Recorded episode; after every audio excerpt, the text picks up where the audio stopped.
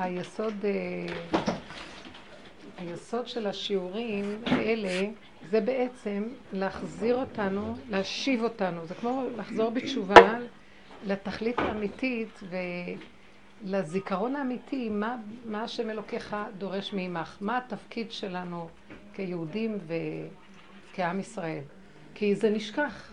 אנחנו במשך הדורות והגלות, בייחוד לקראת הסוף, יהיו רחבויות מאוד גדולות ופיתויים מאוד גדולים שאנחנו נקבל השפעות מאוד גדולות מאומות העולם. אם אנחנו כבר מדברים על ה... בתקופה הזאת על חנוכה ותרבות יוון שהתפשטה אז בעולם, שבעצם כל המהלך של היוונו, ההתייוונות והיוונים, השפעתם, זה מאוד מאוד דומה למה שקורה בדור, בדור האחרון שלפני הגאולה. שהיסוד שלו זה דמיון מלשון אה, ד, אה, יוון, מלשון דמיון. כן, דמיון זה דם יוון, זה, זה בחינה של דמיון, רחבות, ההתפלספות. כל הרעיון הזה שהיום אנחנו רואים כל כך הרבה מכללות ולימודים ואקדמיות ותארים, זה בעיצומת תרבות יוון. שאנחנו הולכים בליבוד שהיא הפך בעצם היהדות. זה הגדלות, זה הריבוי, זה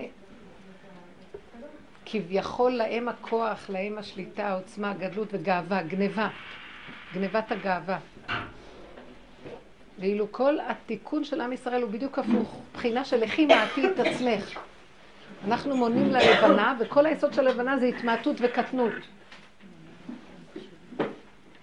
ונראה כאילו למה, בשביל מה צריך להיות קטנים, יותר טוב גדלות, יותר טוב עשיו, ההתייוונות. זה כל הסגידה להשכלה היום, לידע, לדעת. קלקול עץ הדעת. ואילו כל התורה מביאה לנו את התיקון ההפוך. צמצום, כתוב בגמרא, כל מי שמלמד אה, את ביתו תורה, הרי כי הוא תפלות. כתוב, אה, חכמים מנעו בנכם מן ההיגיון, תזהרו מההיגיון. חשיבת היהדות, אה, צורת החשיבה של הגמרא היא לא, היא לא היגיון, זה סגנון חשיבה עמוק, פנימי. היא היא לחפור לעומק, לצמצם ולרכז עד שאתה תופס את נקודת האמת. זאת אומרת, זה כמו שאת לוקחת נפה ומנפה ומבררת, עבודת הבירורים. ואילו כל עבודת הדעת היא הפך מהבירורים. כאן את בוררת את הטוב מן הרע.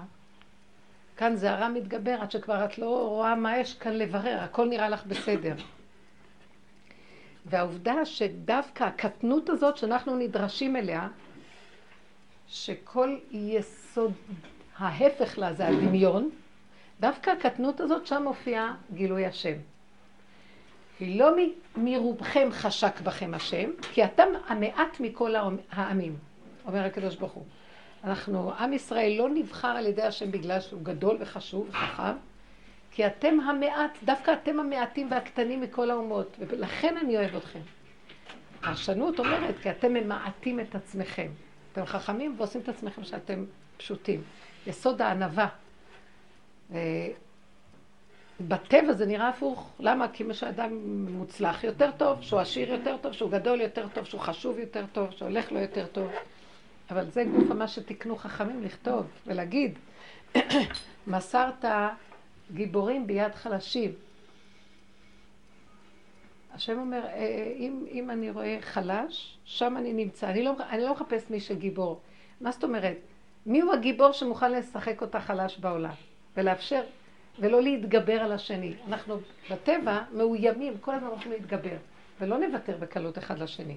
מי זה שמוכן שהשני יעליב אותו והוא ישתוק כאילו השני צודק, אפילו שהשני לא צודק. אז זה באותו רגע נראה עמדה של חולשה. מי זה שיש לו מה לאכול היום, ולא אומר מה אני אוכל מחר. למה? זה נראה עניות היום. מה, רק זה מה שיש לך? אתה צריך לדעת מה יהיה מחר, מחרתיים שלו לא יהיה, אתה צריך את כל המהלך הזה. מסרת גיבורים ביד חלשים ורבים ביד מעטים. ההתמעטות היא המהלך, החולשה הוא המהלך. זה לא חולשה באמת. זה נראה להפך שלו כחולשה. זה לא מעט. המעט הזה מעטים הצליחו לנצח את ההמונים. הלא מדהים, חמשת בניו של מתתיהו הצליחו למגר, אי אפשר בכלל להבין את הדבר הזה, איך הם הצליחו לעשות את זה? חילות מתוחכמים של יוון, זה לא היה נורמלי. אבל עם ישראל הוא לא נורמלי. עם ישראל הוא לא בא להיות נורמלי. הנורמה זה האומות, ואנחנו לא בגדר הנורמה. וכל אימת שאנחנו מחפשים את הנורמה ומאוימים מדבר לא נורמלי, איבדנו את היהדות שלנו. כי איפה שמשהו לא נורמלי, שם אנחנו צריכים להיות. אבל אנחנו כל כך מאוימים ומבוהלים. זה הפך הטבע, התפיסה היהודית, ואנחנו הולכים לאיבוד היום. השיעורים האלה מבררים את הדבר הזה. בואו ניקח את הפרשה הקודמת, הישב, שכתוב בחז"ל, מסתכלים על יעקב אבינו, יעקב הקטן, חז"ל אומרים, דוד הקטן. יעקב אבינו, מתחילת בריאתו, אפילו בבטן אמו, הוא רק עובר מאבקים עם הניגוד שלו, עשב בתוך הבטן, עשב מחוץ לבטן. כל הזמן רדוף אחריו, רדוף, רדוף ממנו. הוא נשלח לבית לבן, רודף אחריו אליפז. מגיע ללבן, מרמה אותו. מגיע, עוזב אחר כך את לבן, רימה אותו עם השתי אנשים, אומר לו, שבע שנים עובד אותו בשביל רחל. מכניס לו בלילה את לאה. אחר כך אומר מה יש? אז תעבוד עוד שבע שנים. הרמאות. ומה יעקב אומר? שותק. הוא מבין שיש כאן משהו לא נורמלי. אז שמה הוא יושב. איפה שלא נורמלי, שמה הוא נמצא. הוא עובד אותו כל כך הרבה שנים, מה הוא מקבל בשכרו? כלום. כשהוא בורח, הוא רודף אחריו. אחרי זה עשיו, איזה פחדים. אחר כך צרת דינה, אחר כך צרת יוסף. כתוב בחז"ל במדרש, ביקש יוס, יעקב לישב בשלווה. קפץ עליו רוגזו של יוסף. מה הוא רצה? לשב בשלווה? מה, ליהנות ממנעמי החיים? ללמוד תורה, לעבוד את השם בנחת, שיפסיקו כבר הצרות. תפיסה של אין לי כוח כבר לצרות. מה אומר לו הקדוש ברוך הוא? בסדר, אני אביא לך את הניסיון של יוסף ותשב שם בשלווה. איזה תשובה זאת? מה רוצה לומר לו? הסתכלתי על הדבר הזה בעומק של הדברים. עד שהוא לא עבר את ניסיון יוסף, ורק אחר כך הוא הגיע לנקודה של התיקון הפנימי, שהוא באמת נקרא הכוח הפנימי לידי פעולה, וזה אנחנו הולכים אחריו כי הוא אבא שלנו, יעקב הוא ישראל, וישראל הוא, אנחנו בני ישראל. אומר לו בעצם הקדוש ברוך הוא, תדע לך דבר אחד. כל הצרות שאתה עברת עד עכשיו, אתה מושך את זה עליך. צורת התפיסה של החשיבה שלך מושכת. אתה מתנגד למציאות של הדבר ההפוך, זה מושך את הדבר ההפוך. זה נכון. מה הוא מציע לו? אני אביא לך דבר אחד שתלמד לתקן את כל הבלאגן הזה ויוסף יותר לא. אני אביא לך את צרת יוסף. אני רוצה לשבת בשלווה, אתה מביא לי את צרת יוסף, אומר לו, עכשיו אתה מתוך הצרה תגיע למצב שזה לא צרה. זה לא מה? צרה. אתם מבינות מה אני מדברת עכשיו? זאת אומרת, המציאות של החשיבה של היהודי צריכה להיכנס למצב של אמונה. התורה חייב ללכת עם האמונה. אם אנחנו נתקים את התורה מהאמונה, אנחנו לא מתרחקים מאוד מתרבות יוון. אנחנו לא כל כך שונים מהם. מה יש? זה כמו אוניברסיטה. הלוא הם פתחו את כל המכללות, קודם כל היוונים, ואת האוניברסיטאות, זה מהם הגיע כל הרעיון. וכשאנחנו לומדים את התורה איך שזה נראה, ואנחנו לא חיים את הסכנה של איך להיות אמנים, אומן, בקטנות, להיזהר לא להתגדל. אם אני נשאר קטן, אז השם יכול להתגדל ויתקדש לרבה. אם אני גדול, הקדוש ברוך הוא בגלות. אם אני בגדלות, אז השם בגלות. לקחתי לעצמי את הגדלות, אז הקדוש ברוך הוא בגלות. אם אני כביכול לוקח עליי את הגלות, השם יוצא מן הגלות. עכשיו, מה זה לוקח על עצמי את הגלות? אני מוכן להסכים למה שבא, אני לא בורח ממנו. מה זה שהוא ביקש? ביקש לשב בשלווה, אמר לו השם, בסדר, הייתה התשובה, קפץ אליו רוגזו של יוסף. מה כאן בסדר? ביקשתי על פי טבע שיהיה לי שלווה ולא יהיה לי יותר ניסיונות. אז הוא אמר לו, אתה ביקשת, אז תביא את זה אתה לעצמך, סדר את זה. איך אני אסדר את זה? לא שאני לא אביא לך צרות. הם יבואו אם אני אביא או לא אביא. החיים זה המציאות שלהם. תמיד יש כוח המנגד. כוח המנגד הוא עושה את הצער לבן אדם. זה לא שיש צרות. כוח המנגד. אני כל כך רוצה ככה, ואם לא קיבלתי ככה, אז נהיה לי עכשיו כאבים. למה לא הביאו לי ככה? אם אני משחררת את המקום הזה, עכשיו זה כבר לא צער, זה נקרא ללכת עם כוח האמונה. אם אני משחרר את הרצון הפרטי שלי, אני מתחיל להיכנס למציאות של כוח האמונה. מה זה כוח האמונה? ככה, ככה השם רוצה. קטנות. קטנות, מה זה קטנות? ככה זה קטנות. מה זה גדלות? התנגדות. לא ככה, ככה, ככה, ככה, ככה, ככה, ככה. וזה מאוד מאוד קשה בתפיסה של הטבע. התפיסה של הטבע מסודרת מתוכנית של כן ותוכנית של לא. אפילו בעולם התורה נתנו לנו, סור מרע ועשה טוב. אסור מרע ועשה טוב, אני צריך להגיע למקום שאני עושה את מה שהתורה אומרת לי, חוץ מזה, כבר שום דבר לא רע בשבילי. תבינו את מה שאני אומרת לכם. אני מקיימת את התורה, כי קדוש ברוך הוא ציווה. כמו שאמרו חז"ל, אסור לאכול חזיר. אבל חז"ל אמרו גם, אל תאמר אי אפשר לאכול חזיר. אפשר ואפשר, מה אני אעשה שהשם ציווה אותי?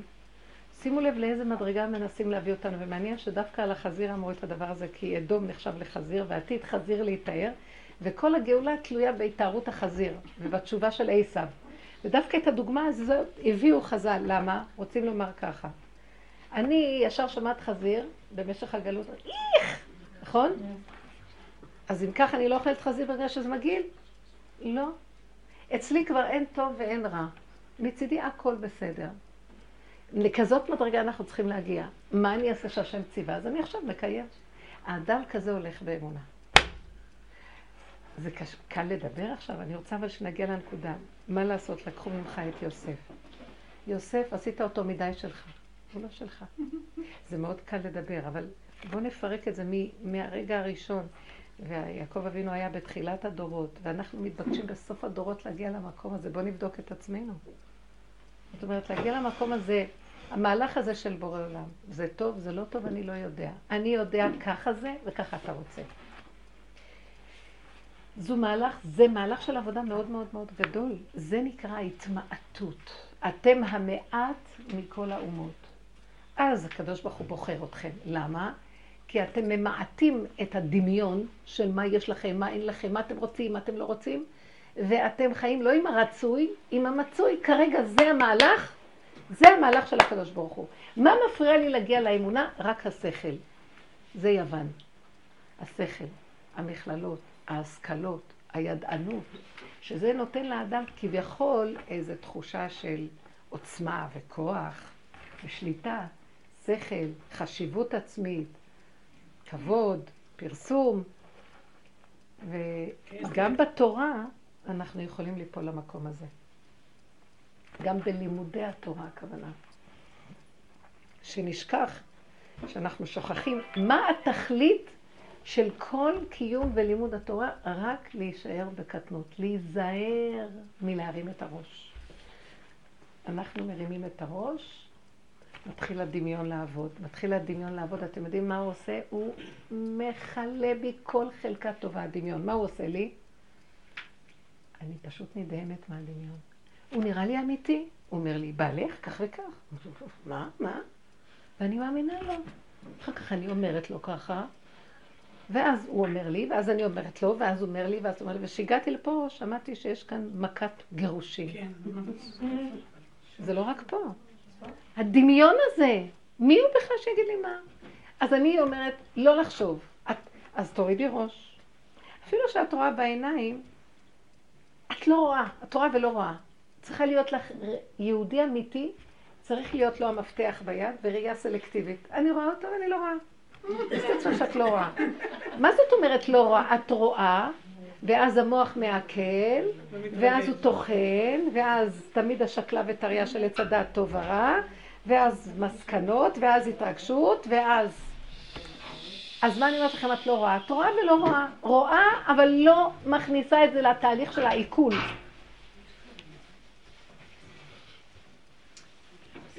אתם יודעים, אחד הסימנים של הבהמות הטהורות, מעלה גרה. החזיר לא מעלה גרה, הוא בולע. הוא רואה, נבלע לו, הוא, הוא לא... תעשו טובה, אתן רואות? תלעשו את זה, תלעשו, תלעשו את זה, אל תצאו על זה, אל תבלעו ותוציאו תגובה. מה זה נקרא לעלות גרה? הוא מעלה ומורד. זה עם עצמו, הוא לא בולע או פולט, הוא פשוט משחזר, ממחזר את האוכל. עוד פעם מעלה אותו, מוריד אותו, מעלה אותו, מוריד אותו, מעלה אותו. הוא לא, הוא לא מוציא שום דבר החוצה. זה אחד הסימנים של בהמה טהורה. מפרק לרסיסים. תפרקי את עצמך, זה מה שאנחנו עושים בעבודה. מה את חושבת מחשבות? מה את בכלל שמה לב למחשבות? אז מה אם הוא עשה ככה ואת לא עושה ככה? אם את כל כך כועסת ככה, תראי שזה גם יסוד שקשור אצלך, אז מה עכשיו את רוצה ממנו? לאט לאט אפילו את כבר מפסיקה, אפילו גם, את כבר לא צריכה לעלות גרה, את כבר לא מכניסה לפה כלום. נהיה צדקת בהמה צדיקה שלא אוכלת גם כבר. לא צריך. נהיה דבר מאוד מעניין. שקט. את לא נותנת למוח ולדמיון, המוח הזה משגע אותנו. אנחנו מאמינים לו. זה נקרא יוון. ואז נהיה מציאות שלמה סביב המוח הזה. אני שמה לב שכשאני סוגרת את המוח ולא נותנת לו שום דבר, וזה צריך לזכור את זה מהר, המציאות שלי נהיית שונה לגמרי. המוח עושה מציאות אחרת לגמרי. המציאות של האדם היא איך שהוא מציע את המיטה שלו, זה המציאות שלו. איך שהוא מציע את המוח שלו, ככה הוא ישנה למוח. אבל אם אין לו את המוח, הוא רק חי בפעולות פשוטות, מרוכז עם הנקודה שלו, כשרק הפה מדבר לקדוש ברוך הוא. הוא כבר לא עובד מפה לפה, לפה. לא מתחיל, בהתחלה אנחנו רואים את המוח, אנחנו מדברים להשם, אנחנו מעכלים את זה, ואנחנו לא רוצים שזה ייפלט החוצה. ומעלים בצעקה להשם. לאט לאט המוח נופל, והצעקות יוצאות מהבטן. איזה צעקות? בכלל לא שלך. השם נותן לך לפי סיבות דיבורים. כמו דוד המלך, מוציא לו עוד דיבורים. יכולים לתת לך תפילות מדהימות שאת בכלל לא שלך. השם מוציא אותן. הן לא באות עם שכל בכלל, זה דברי הנבואה. המקום הזה זה המקום של עם ישראל, אבל אנחנו יותר מדי התיישבנו פה. כתוב, גלינו מארצנו ונתרחקנו מעל אדמתנו בגלות. אנחנו הרמנו את הרגליים, יושבים בראש, וזהו, זה הגלות. אנחנו לא באדמתנו, לא צומחים עם המציאות שלנו על הקרקע, המוח שלנו עובד מאוד מאוד קשה. כל עיקר הבעיות, גירושים, בעיות ילדים, בעיות... ביקש יעקב לשב בשלווה. הוא ביקש, הוא חשב, למה שאני, טוב, אחרי כל כך הרבה צרות כבר הוא הגיע לשכם, הוא כבר יושב שם, ביקש לשב בשלווה. כל הבלגן התחיל שהוא התחיל לחשוב שאני אשב בשלווה. את מבינה? יש לך תוכנית כזאת. סוף סוף פה אני כבר יהיה לי מנוחה, רגיעות. פה אני, ברוך השם, די. שמה, הוא אמר לו, זה כבר גדלות, למה אתה בכלל חושב? תשב בשכם נקודה. שב, שתוק. הטיפה שאתה יוצא החוצה ומתכנן ומשקיף ורוצה, כל השקפה לרעה. חוץ מהשקיף השם. רק השם יכול להשקיף ולא להתבלבל. אבל אנחנו לא, אנחנו בני אדם למטה. הוא יושב למעלה ומשקיף, ואנחנו למטה. מאוד קשה להישאר בלמטה הזה. הלמטה הזה בסופו של דבר הוא הלמעלה, והלמעלה הוא בסוף הלמטה. עולם הפוך ראיתי. וכל המציאות של נס חנוכה היה בדיוק הנקודה הזאת. זה פשוט מדהים. פשטה אופנת הגדלות על ידי יוון. החשיבות והחצנה והגדלות והשכל. השכל הוא בחינת המקיף שבאדם, הוא לא פנימי. מה, אני פשוט נדהמת. כל יסוד הנס, פח קטן שנשאר לשמונה ימים. הקטנות הספיקה שלא בדרך טבע. הגיבורים הגדולים נפלו ביד חלשים. רבים, מיליונים, נפלו ביד מעטים, חמשת בניו של מתתיהו ועוד כמה אחדים שהצטרפו אליהם. זה לא נורמלי. ואיך הייתה הסיומת של בית חשמונאי? הם לקחו לעצמם את המלכות. הם צריכים להיות רק כהנים. הם לא היו כהנים, זו הייתה מלחמת כהנים. איך? הם נפלו. לקחו לעצמם את המלכות, ונכחדה כל מלכות חשמונאי נכחדה, לא נשאר בהם אחד. גדלות, הלכו לאיבוד. איפה היה הישועה בקטנות ואיפה הגדלות הבאה? אם נתבונן בדברים האלה, אני רוצה למעשיות. כל הדיבור שאנחנו מדברים, אני רוצה להביא אותם למצב של מעשיות. איך אני מגיעה לחיות ככה עם המעשיות? אני רוצה להגיד לכם, בנות, זה, אין לי מילים להביע כמה שזה פשוט. המוח הזה, אסור להקשיב לו, הוא משקר בגדול. קמה בבוקר, למה שאני אחיה? היה אצלי איזה אורח, הבן שלי הביא מהישיבה, אז אחד הבחורים, בחור בן 17 בשבת, הוא הולך ואומר, נמאס לי לחיות. אז עמדתי לידו ואמרתי לו, תן לי את החיים שלך. אם אתה לא רוצה אותם, תביא אותם אליי. הוא מסתכל עליי ככה. אומר, לא, אמרתי רק בצחוק, אמרתי לו, הוא אומר לי, תראי, את כבר אישה מבוגרת ואת כל כך רוצה עוד לחיות? אמרתי לו, אני היום ילידתיך. כן, תביא, תביא, מי שרוצה לזרוק שיביא אליי. אתה משוגע? אז הוא צחק כאילו, כן, עשה צחוקים. אבל גם יצא לו משהו. כי מה? הוא יושב. הוא אומר, נקברנו בתוך עולם התורה. הוא מוציא כל מיני מילים. חמוד כזה, והם ילדים מבריקים וטובים, אבל עושים צחוקים. ואני שומעת אותו, כאילו אומר כמה מילים. החשיבה שלך עושה לך את זה. למה הרמת את הראש וראית, אה, אולי אני אעשה רישיון נהיגה, אה, אולי אני אסע פה, אה, אולי... למה הרמת ראש? זה קשה, נכון? כן. אבל באמת, אנחנו אנשים שכבר עברנו מהחיים, והרמנו ראש, חטפנו מכות. לפחות מתוך הניסיונות נלמד לא להרים ראש. אז החיים, ראש באדמה זה טוב, רבו אושר היה אומר. מה אכפת לך? מה חסר לך? אוכלת, שותה, חיה, נושמת. מישהי אומרת לי, מישהי מירושלים אמרה לי, בעלי, ולא רק אצל כמה פעם, בעלי עזר את הבית. היא הייתה נורא עצובה. אמרתי לה, עוד יותר טוב. כל הבית רק שלה. כשהוא בבית מפריע לה, כשהוא לא בבית מפריע לה.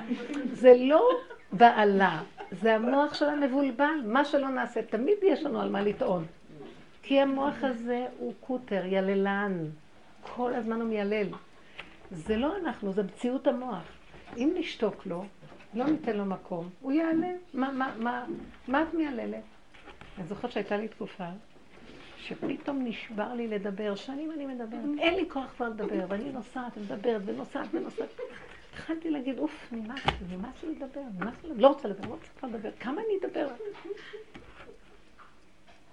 וראיתי איך שהמוח הזה כל הזמן אומר לי את זה, ואז אני בוכה להשם. טוב, התקשרו מאיזה שיעור, מבטלים את השיעור.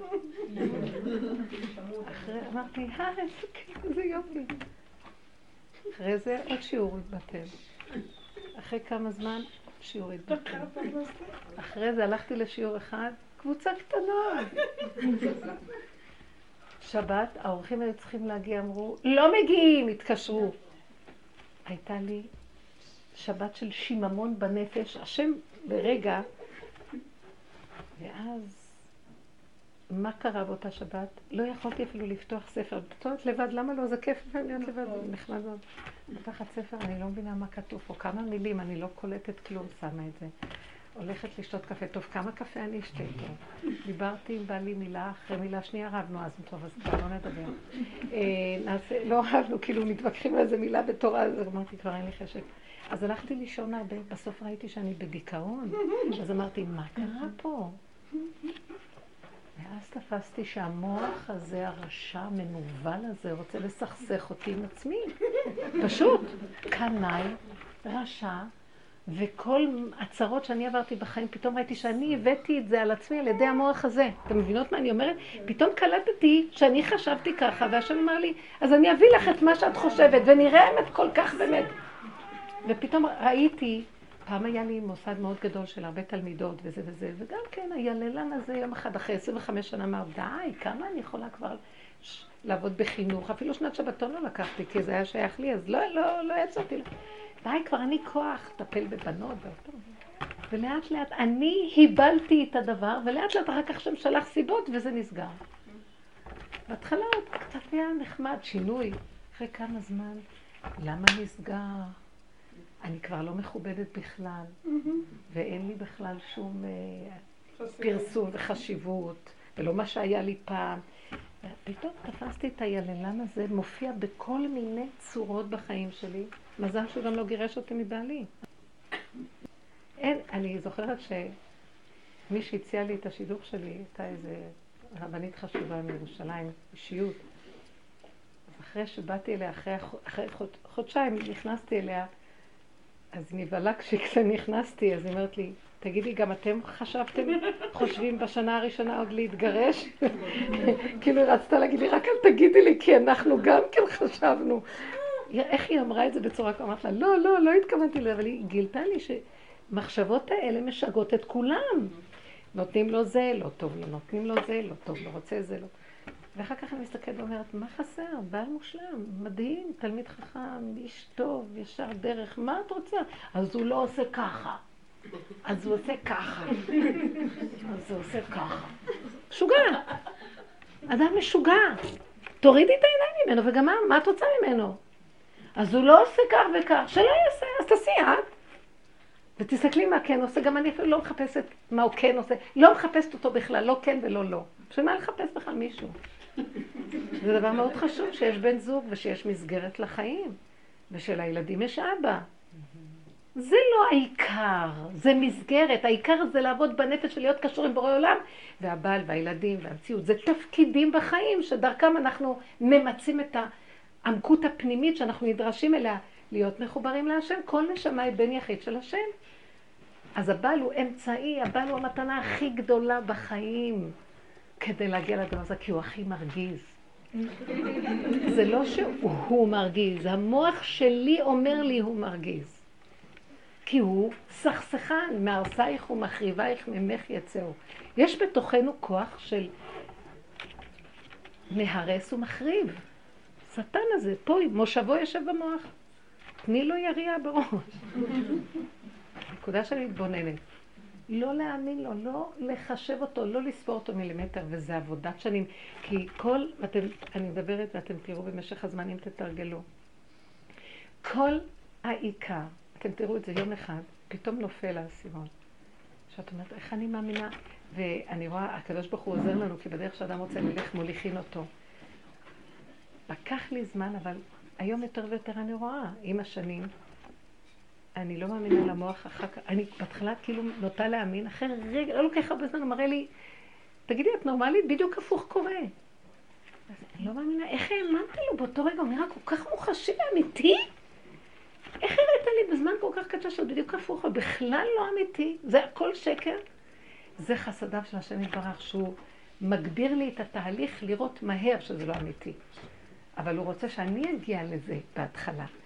הגעתי לזה פעם, פעמיים שלוש, אחר כך לאט לאט התחיל להיות לי מהלך שכמעט כל דבר שאני חושבת, אני רואה שזה שקר. היום אני מתה מפחד מהמחשבות שלי. ממש מתה מפחד, אני לא רוצה לחשוב. לא רוצה לחשוב, לא רוצה להתערב.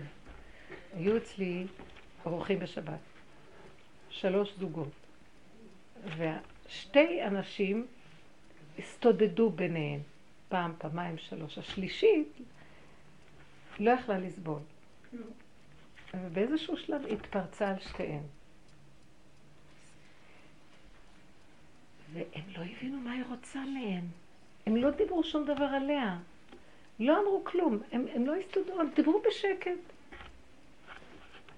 היא ירדה עליהם, הוציאה את כל הכאבים שלה, אמרה להם דברים, הכל בצורה לא מכוערת, אבל אחרי זה הם התפייסו, הכל היה בסדר. ישבתי עם אותה אישה. היא אמרה לי, הם בטח חושבים שאני משוגעת מה שאמרתי. למה הייתי צריכה להגיד את זה בכלל? נכון שנראה שאני משוגעת אחרי מה שאמרתי? היא הוציאה את כל האמת שלה, את הכאבים שלה, את התסכולים שיש לה בכלל, וכאילו היא הלבישה את זה על המצב הזה עכשיו. אז היא לא הייתה נשמעת הכי הגיונית. אז עכשיו התחילה להיות כאובה שבעיניהן לא נראית כל כך ברמה. אז אמרתי לה, לא נורא, מה שאמרת, אמרת, היית צריכה להוציא את זה, תשכחי, מי הם בכלל? אמרתי, אז זה לא שאנחנו נזלזל בבני אדם, תזלזלי בדמיון ובחשיבות שאת נותנת להם. אבל כל זה התחיל בגלל שנתת בהתחלה חשיבות לזה שהסתודדו. בשביל מה היית צריכה לתת להם חשיבות? שהסתודדו. באותו רגע כואב לך? לכי לפינה, תצעקי להשם. למי כואב? לדמיון שלי שחושב שחושבים מדברים אליו. מה אכפת לך מה שהם דברו? רוצים לדבר? שידברו עד מחר. מי שרוצה שידבר עלייך. מה זה קשור אלייך? מדברים על פלוני אלמוני, זה אני? מי זה אני הזה בכלל? זה יכול להיות ההיא וההוא וההם, אותו דבר כמו אני. מה ההבדל? זה דמיונות. אם את יכולה לסגור ולנעול ולא לתת שום דבר, תתעייפו, תשבו שם למטה, למטה. שבו שם למטה, שקט, רגוע. וכמה פעמים שקורים כאלה דברים, ואם אני לא מתערבת, אני מודה להשם, ברוך השם ששמרת עליי, שלא הייתי הורסת עולמות. מתווכחתי עם הוא אומרת לה, הוא אומר, תודה שהחזקת אותי לא להוציא דברים החוצה. כמה פעמים בנושא של שלום בית, מילים שנאמרו עשו כבר את החורבן שלהם. אמנם תמיד אפשר לקום ולסדר, אבל הרבה פעמים כל כך מאמינים כבר למה שאמרו, אם זה היא, אם זה הוא, שהבית מתחיל להישבר, ואחר כך, די, הציץ שנסדק, נשבר, תדביקי, נראה כבר, זה מתחיל כבר לאבד את הטעם. לאנשים מפרקים. והעבודה שלנו, החכו... למה פעם היו מפרידים את הגברים והנשים באוהלים שונים? ו... וטוב שהגברים היו לוקחים כמה נשים, אז שלא יהיו רק עם אישה אחת. פעם הולך לאוהל הזה, כמה זמן לאוהל הזה, אחר כך... אז היה נחמד קצת שינוי. ואני גם ראיתי שיש מצב שמתקנים שלום בית, אני כמה פעמים הצעתי שהבעל ייקח איזה דירת חדר ויגור שם לבד, או איזה מחסן או משהו, קצת לשחרר את הזוגיות, ויבוא פעמיים בשבוע לבקר, ואז יש איזו התחדשות, או שבתות, יביא מתנות קצת, שיהיה קצת התחדשות. זה יותר מדי אחד על השני. בייחוד כאשר המוח הוא אינטנסיבי, עובד נונסטופ, אז זה מתראה בגוף אחד על השני. עכשיו, אם אני סוגרת את המוח, שיגור מתחת לאף, מי רואה אותו? תבינו מה אני מדברת עכשיו. לא שאני לא רוצה לראות אותו, אני לא רוצה לתת לשטן מקום להתגדר, לסכסך. זה בדיוק ההגדרה. וזה מאוד טוב שיש בעל, ומי זה הבעל הזה? זה, זה מתנה מבורא עולם, שיהיה לנו מסגרת מאוד טובה לחיים. כי זה טוב משפחתיות. מה זה בעל? את לא רואה אותו כל היום כמעט. אז, אבל את יודעת שיש בעל, ואת יודעת שיש אבא לילדים, ואת יודעת שהוא מגיע, ואת יודעת... מספיק? תודה רבה. מה רוצים אחד מהשני? אתה יודע שאתה חייב, אתה יודע שאתה צריך, למה אתה הלכת, למה לא באת, למה עשית, לא עשית. שחררו, שחררו, שחררו, שחררו. תשאלי את עצמך, מה העיניים שלך עוקבות אחר השני? למה שלא תעקבי אחר עצמך? וכשאת עוקבת אחר עצמך, את מתחילה להיות קטנה. את רואה, איך אמר דוד המלך, אין מתום בבשרי. ואני מסתכל על עצמי, דבר ראשון, תראי כמה שאת עוקבת אחר השני. מה לידידי בביתי? זה גם לא יפה. כל הזמן לבלוש אחרי אחר. כל הזמן לחשוב מה שהשני. זה כמו לשון הרע. מה את עושה במשבצת של השני? זה השגת גבול.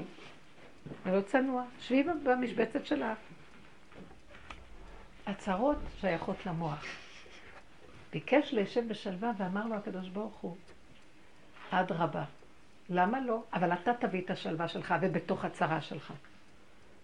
הבנתם? אתה הבאת על עצמך את הצרות. זאת אומרת, המחשבות אבל גם אמרו, הוא, יש מקום, הוא ביקר את יוסף על שאר האחים, כן, הוא אהב את יוסף יותר, נתן לו יותר מתנות, הוא קירב אותו יותר, הוא גרם מציאות שיכולה חל שלום. אמר לו הקדוש ברוך הוא, שתתבונן בעצמך ותעבוד עם הנקודה שלך. איך אני יודעת שזה הפירוש? כשאחרי עשרים שנה הולך לפגוש את יוסף, הוא כבר מאומן, הוא עבד על עצמו כל כך. שהוא מאומן, גם אם הוא יראה אותו, קודם כל הקשר שלו עם בורא עולם. זאת אומרת, השם אומר לו, תחפש את יוסף, ואין לך את יוסף, אתה מת מכאבים. תחפש אותי. אם אתה תחפש אותי, אני אסדר לך את הכל. כי אני התיקון הכללי, בורא עולם אומר. אתה מחפש לסדר בעצמך את הדבר, יחסר לך הדבר, אתה פשוט שכינה נסתלקה ממנו מרוב צער. אבל הוא תיקן את זה והחזיר את זה, והוא התאמן על הנקודה איך לקשר את עצמו בנאמנות לבורא עולם, כי זה רצונו יתברך. וזה יעקב אבינו לא מת, כך כתוב, הוא חי. זאת אומרת שהוא כל כך מת לדעת שלו ולדמיונות שלו, עד שהוא חי. מה זה הוא חי? כשמתים לדעת, מתגלה הבורא עולם שבאדם, השכינה. מה השכינה חיה? גם יעקב אבינו חי. כך אמר ישעיה הנביא את הפסוק, חי, חי יודוך. מה פירוש? מי יכול להודות לך? מי שחי כמוך יכול להודות לך. חי, אתה חי וקיים? מי זה שיודה לך? חי כמוך. מי זה שחי כמוך? מי שפירק את המפריע לחיות איתך. מי זה? זה הדמיון של האני. אני, אני, אני, אני, אני, אני. האני יש לו אתה, ויש לו הוא, ויש לו הם, וזה הפרנסה שלו. ושם הוא נופל, הוא לא יכול להתחבר עם השכינה. אם אנחנו נפתח את האלבום של החיים שלנו, נראה כל האיסורים באים רק מהדבר הזה. וברור שזה מצ... מציאותנו, אנחנו מקולקלים. אבל אם אנחנו חוזרים לעבודה הנכונה, תמיד החסר יהיה התחלה של כאב. ההתחלה תמיד כואבת, אבל קטנה, איך שסיפרת היום. קטנה, היה לה איזה כאב קטן, מיד רצה. שירותי. ושם היא צעקה, תחזיק אותי, שאני לא... ואז הייתה לה ישועה. כי אם לא, עומדת ממול ומתחילה להתפתח ולהתרחב, הלך לאיבוד. הדמיון תופס מיד מקום, אנחנו מאמינים לו. בבקשה, אתן יכולות לדמיין חיים שאתם לא תחשבו? אז תגידו, מה, אני לא אחשוב, מה, היווני בתוכך אומר, מה, אין לי שכל? אתם יודעים איזה שכל למטה קיים שיכול לצמוח ככה? צמח דוד עבדך תצמיח של רוח הקודש נבואה. זה שכל, זה מה שיש לנו, קשקוש זה. זה לא שכל בכלל מה שאנחנו חיים. זה אמר לי ככה, המחשבה הזאת אומרת לי, ואז אני עונה לה, ואז גירוי תגובה, ואז אני פולטת על השני, והשני לא יודע מה אני רוצה ממנו, כי זה הכל במוח שלי. אני מדומיינת שגם הוא יודע מה אני מתכוונת, ואז אם לא, אז, אז הוא מתחיל גם כן לשלוף נגדי, ואז ככה אנחנו מתחילים להסתבך. זה רמה? שכל זה רגש? איך? שכל זה רגש? השכל מפעיל את הרגש. השכל מפעיל, מפעים את הרגש. תמיד זה מתחיל ממחשבה. והמחשבה ישר את מתחילה לסווג אותה כן ולא, ככה או ככה, דבר והיפוכו, וישר אחר כך בא החילות של הרגש, למי, לטובת מי את? אה, יש, הילדים שרים, אנחנו יוצאים להילחם בכם, מי מאיתנו, אתה שייך לי או אתה שייך לך? אנחנו באים למלחמה. כל הזמן אנחנו מחפשים את המקום הזה של השייכות. לא שייך לכם כלום. לכו תחפשו מישהו אחר שם לריב איתו. לא רוצה להשתייך לכלום. הרגש מתחיל, יורד, רגוע. נהיה הכל פשוט רגוע. גם אם המחשבה קופצת, כי אנחנו כבר מקולקלים, אבל אם עובדים על זה, המחשבה, את מהר מאוד מחזיקה אותה למטה, מהר מאוד הרגש גם קופץ, אבל את מחזיקה אותו, זה כבר מקום, מקום אחר. זה לא הסערה של המציאות שלנו. אז אנחנו אמורים ומתבקשים להתבונן. איך לא להאמין לדת. ואתם יודעים דבר מאוד מעניין. הדת הזאת לא נותנת לנו להיות קשורים עם בורא עולם. ותגידי, טוב, זה דת של קדושה. היום כבר דת של קדושה גם אין לנו. יש אינפורמציה של קדושה. אבל דת של קדושה? דעת זה חוויה אמיתית. זה לא השכל הזה שמקשקש, אין דעת שמה. אני אומרת לו, ריבונו של עולם, אם אני סוגרת את המוח הזה, אתה תיתן לי דעת של קדושה? זה ואדם ידע את חווה. ידיעה, אני קוראת לפעמים איזה ספר, לאחרונה זה קורה לי הרבה. פעם הייתי קוראת, ומידת הבינה הייתה מאוד גדולה ומבינה, ואפילו סיפוקים. אני מגיעה היום, אני קוראת, אני אומרת, טוב, כמה מילים, נו, מה הוא רוצה להגיד? אה, כל כך הרבה מילים להשתמש בלהגיד דבר הכי קטן, אין לי כוח לספר, אני סוגרת את זה, אין לי כוח כבר לספרים. ואז אני אומרת לו, ריבונו של עולם, אני לא רוצה לדעת מה שכתוב בספר על ידי ידיעה שכלית, תעשה שאני אדע בלי שאני אקרא. הלו גם זה שכתב מאיפה כותב, הראשונים שכתבו עליהם פרשנות, הם גם היו, ברוח הקודש מדברים, למה לא? ועמך כולם צדיקים. כל עם ישראל מגיע להם את המדרגה הזאת, אבל הדעת היוונית תופסת את המקום, והיא לא נותנת לנו להיות קשורה עם השם. איך אני יודעת? אם קורה לי משהו, שבוע חיפשתי איזה מעטפה. הייתה אצלי איזה מעטפה בבית שמישהי העבירה לי, וביקשה שאני אעביר אותה למישהי אחרת שתדפוק בדלת ותבוא לקחת. תחת דווקא בדלת, וכשהיא הלכה, אמרתי, ודאי, ודאי, בסדר, בסדר. היא באה, אני לא זכרתי איפה שמתי את המעטפה, לא זכרתי. לרגע אני נעצרת, זה פשוט ברור לי שאני צריכה לזכור. איך קרה שפתאום נעלם לי הזיכרון? אז חיפשתי, חיפשתי, ואחר כך אמרתי, אני, היה כאן מישהו מבני הבית שזה, שידע איפה שמתי, אני אתקשר אליו. באותו רגע אמרתי, את מאמינה למחשבה שלך? המעטפה נמצאת, ובשנייה השם יכול לעשות שתמצאי. אז אל תלכי אחרי המחשבה של טבע, של סיבה של טבע. זה נראה נורמלי בהחלט, למה לא? ותשאלי, לא, תעצרי ותתעקשי שבורא עולם יתגלה. בורא עולם, תרחם, אבא תרחם, אבא תרחם. אתה פשוט סוגר לי את המוח כי אתה רוצה שאני קשורה איתך. אל תיתן לי ללכת כמו שכתוב על בלעם, שבפעם האחרונה שהוא הלך לקלל, הוא כבר לא הלך כמו שהוא הלך במהלכים הקודמים שלו. עכשיו הוא כבר החליט להתחבר ישר להשם. לא הולך על השתדלויות של טבע. והתחלתי להגיד, ריבונו שלום, אתה... תן לי, לה... לא... אם אני סוגרת את המוח, לא הולכת בטבע, לא הולכת בסיבה, תוצאה, כן? גירוי תגובה, אתה חייב להתגלות, כי אין עוד מלבדו, נכון? אז תיתן לי להתעקש עליך. לא עבר יותר מכמה דקות, מישהו שיגר לי ידיעה איפה נמצאת המעטפה. ואני הבנתי למה הוא לקח לי גם את המחשבה. כי בטבע יכולתי לדעת. אז החיסרון וההיעדר, מטרתו לשנייה אחת לזכור את השם ולהתעקש לקבל ממנו איתות ולהמליך אותו. בא המוח, לא נותן. קודם כל הוא נבהל. קודם מחפש פתרונות. אולי ככה, אולי לא ככה, לא ככה, לא ככה. אחר כך הוא אומר, לא, אבל הוא מביא לו רעיונות, שההוא גם יודע, אביזרים. אנחנו קוראים לזה הכשרי מצווה. אתם יודעים, דבר מאוד מעניין קורה? העולם, הדור האחרון הוא הדור שהכי מתאים לעבודת האמונה. דורות ראשונים לא התאימו לעבודת האמונה כמו הדור האחרון. קראתי בפרקי רבי אליעזר, כתוב החמור של ויחבוש אברהם את חמורו, וישכם כבר בבוקר ויחבוש את חמורו. והחמור של משה רבנו, שהרכיב את אשתו ואת בניו בדרך ממדיין למצרים וחזרה. והחמור של משיח זה אותו חמור.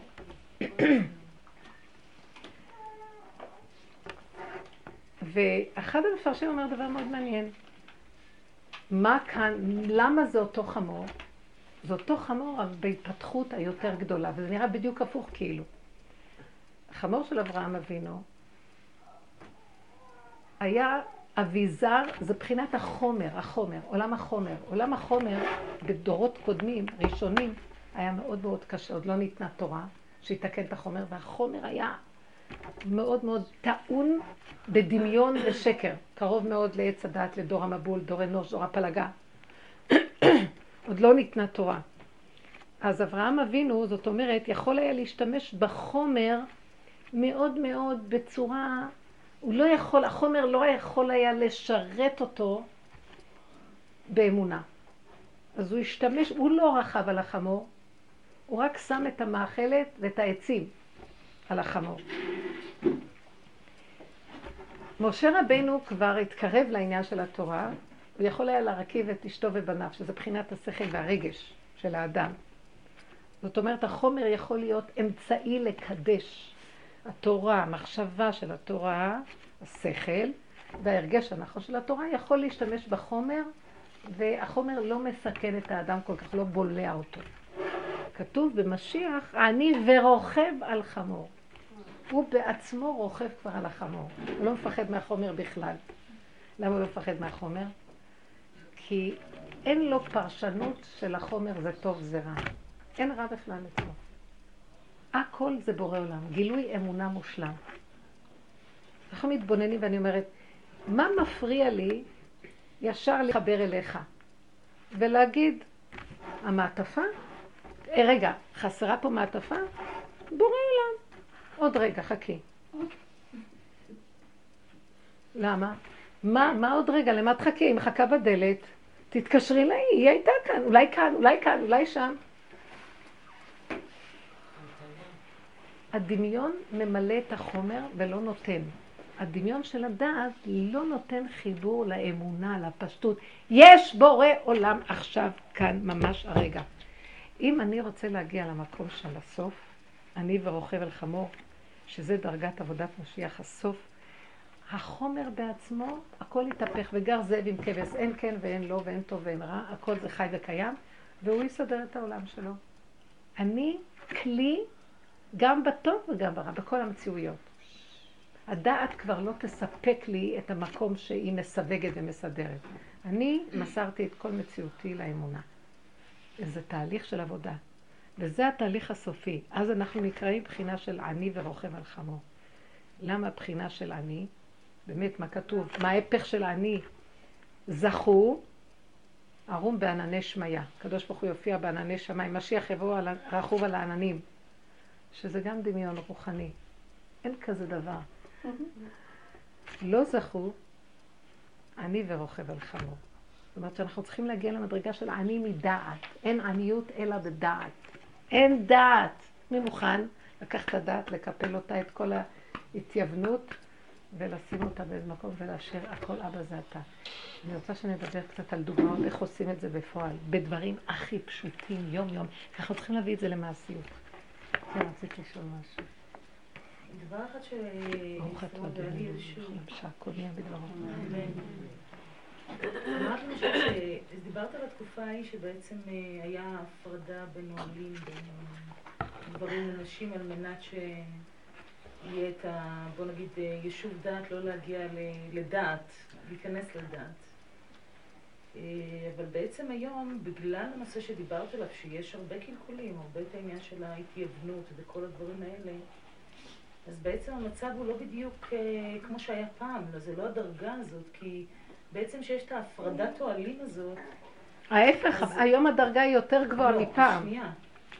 אז בעצם כאילו מה שאני אומרת, כאילו בעצם כשאתה רואה, אוקיי, את באמונה, את באמונה מסוימת, ובעצם מה שאת רואה, שהשם מראה אחרת, אז זה לא השבת והמתנות, אלא ההפך.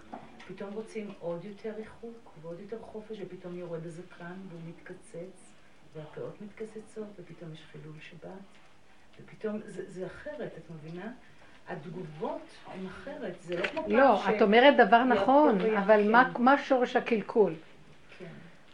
אותה דעת שהייתה בתחילת הדורות, דעת קשה ורעה, בתחילת הדורות הייתה דעת מאוד מאוד קשה. עוד אנחנו עברנו גלות של תורה שתיקנה קצת את עץ הדעת. כמו שאומר אה, האור החיים הקדוש, אומר את זה בפרשת שמות, שאנחנו בזכות התורה נוכל להיכנס לשער החמישים, שזה המ"ט שערי טומאה שנכנסו במצרים, ולא להתבלבל בגלל שיש לנו את כוח התורה. מה פירושו של דבר? לסגור את המוח, זה נקרא לא להתבלבל. אז בדורות קודמים היו צריכים הפרדה פיזית כי התבלבלו, הדת הייתה מבלבלת. בדור האחרון הדת גם מבלבלת, עוד הדורות הקודמים הייתה הרבה יותר רעה. למה אברהם אבינו לא יכול היה לרכב בעצמו על החומר? הוא היה אדם בעל מעלה, הוא לא יכול היה, החומר היה בולע אותו. היה צריך מרחק ממנו. היום בדורות הקודמים יש יותר קרבה לחומר, הדעת יותר קטנה ואנחנו עדיין בסכנה. מה היתרון של הדור הזה? שבגלל הקטנות הזאת, זה כבר לא מה שהיה להם פעם, הקלקול של החומר, אז אנחנו יכולים, היתרון יכולים להיכנס לאמונה, כי אין לנו כל כך את הקלקול של החומר. שמתם לב? אנחנו יכולים על ידי כוח התורה למגר את החומר. כל מעלת התורה עשתה לנו ברור מאוד גדול במשך הדורות. ברור לי מה טוב, ברור לי מה רע. יש לי מערכת של תורה ומצוות. מה שבדורות קודמים היה בלבול מאוד גדול, והיה צריכים הפרדה, לא היו יכולים כל כך בקלות לדעת. עכשיו שאני יודע מה טוב, מה רע, אני חושב אז אני יכול לשבת ביחד. אם אני לא אעבור למדרגה הבאה, אמונה, שימו לב, תיקון עץ הדעת הראשון היה, יציאת מצרים זיכתה לנו למדרגה הראשונה, שהזוהר הקדוש קורא לה הפקידה. פקד אותנו כמו אישה שנכנסת להיריון, זה נקרא פקידה. עכשיו יש עובר, ועכשיו יש תקופה של עובריות, זה הגלות. הפקידה זה קבלת נקודת הזרע, התורה, החשיבה הנכונה, הבירור בין טוב לרע. כל עבודת התורה, ברורים. טמא, בין הטמא לטהור, בין האסור למותר, בין הפסול לכשר, בין החייב לזכאי, כן, דבר מתוכו, מבררים. אבל בשלב האחרון, המהלך יהיה להעביר את זה לנקודה של אמונה ולהפסיק לעבוד עם הדעת. כי אם לא, אנחנו ממשיכים עם הדעת, הראש עוד עומד ככה, אז האני גונב את היסוד. זאת אומרת, הוא מתחיל להיות בעל גאווה, יש לי ידיעה, יש לי הבנה, יש לי השגה, אני כבר יודע מה טוב, מה רע. מרוב שכולם יודעים מה טוב, מה רע, כולם נופלים ולא יודעים כבר מה טוב, מה רע. בלבול מאוד גדול. אז היום, לא אי אפשר. למעשה היום היינו צריכים להמשיך בהפרדת העולים, אבל מה? בגלל שיש היום את עבודת האמונה, אמורים ללכת כבר, עכשיו נגיד, הזוהר הקדוש ממשיך ואומר, לקראת הסוף ניכנס, נצטרך להיכנס למהלך מספר שתיים. הפקידה, הזכירה, לא הפקידה, הזכירה. מה ההבדל בין הזכירה לפקידה? הפקידה זה בחינה של מחשבה. אני יודעת שאני ברעיון, אבל אין לי עוד קשר פיזי לכלום מעשי פה בינתיים. בואו ניקח לידה ראשונה, לא יודעת מה הולך להיות פה. מה זה הזכירה? ההוצאה לפועל של הדברים. כל הבירור של הטוב והרע, מטרתו כבר לא לעבוד עם בירורים טוב ורע, רק ללכת אין עוד מלבדו. כי אם אנחנו נמשיך עם הטוב והרע, אנחנו כבר נתחיל להתקלקל עם הטוב והרע, כמו שאתם רואים עד היום. הרבה דברים שאנחנו, מאוד היה ברור לנו שמאוד טוב, מתחיל להתבלבל היום, מאוד מאוד לא ברור מה טוב ורע, אפילו בתוך, בתוך העולם שלנו. אז זה סימן של עבודת הזכירה. מה זה עבודת הזכירה? לשכוח את המוח ולהיזכר בהשם, רק השם. זכירה של השם. זה, זה ההוצאה לפועל, הראש יוצא החוצה. כאילו, גילוי עולם חדש עכשיו. זה עבודת הזכירה. אז אם היינו לוקחים חלק בעבודת הזכירה, מהי עבודת הזכירה? לשכוח את הפקידה ולהתחיל להיכנס לתהליך של ההוצאה של הראש החוצה. אמונה, זכירה. תגידי, בלידה את יכולה לעבוד עם הדעת? את רק עכשיו בצעקה של אמונה, שירחמו עלייך משמיים, אין לך בכלל שום שכל ואין לך שום הבנה מה הולך פה אפילו. זה רק, את צועקת להשם, כי רק הוא יכול בשעה הזאת להושיע אותך. זה נקרא תהליך, עכשיו אם לא נלך עם תהליך הזכירה, זה מה שקורה שאנחנו, המוח פתוח, אנחנו עוד בטוב ורע, וגם לא רק בטוב ורע של התורה, אנחנו בטוב ורע של העולם, אנחנו יודעים זה טוב זה רע. שום דבר, זה מבלבל אותנו מאוד מאוד מאוד, לא יודעים מה טוב, מה רע כבר, הכל התבלבל. מה שנשאר במקום הזה מיד ללכת על אמונה. במקום זה אנחנו עוד סומכים על הדעת שלנו ושם חל השיבוש.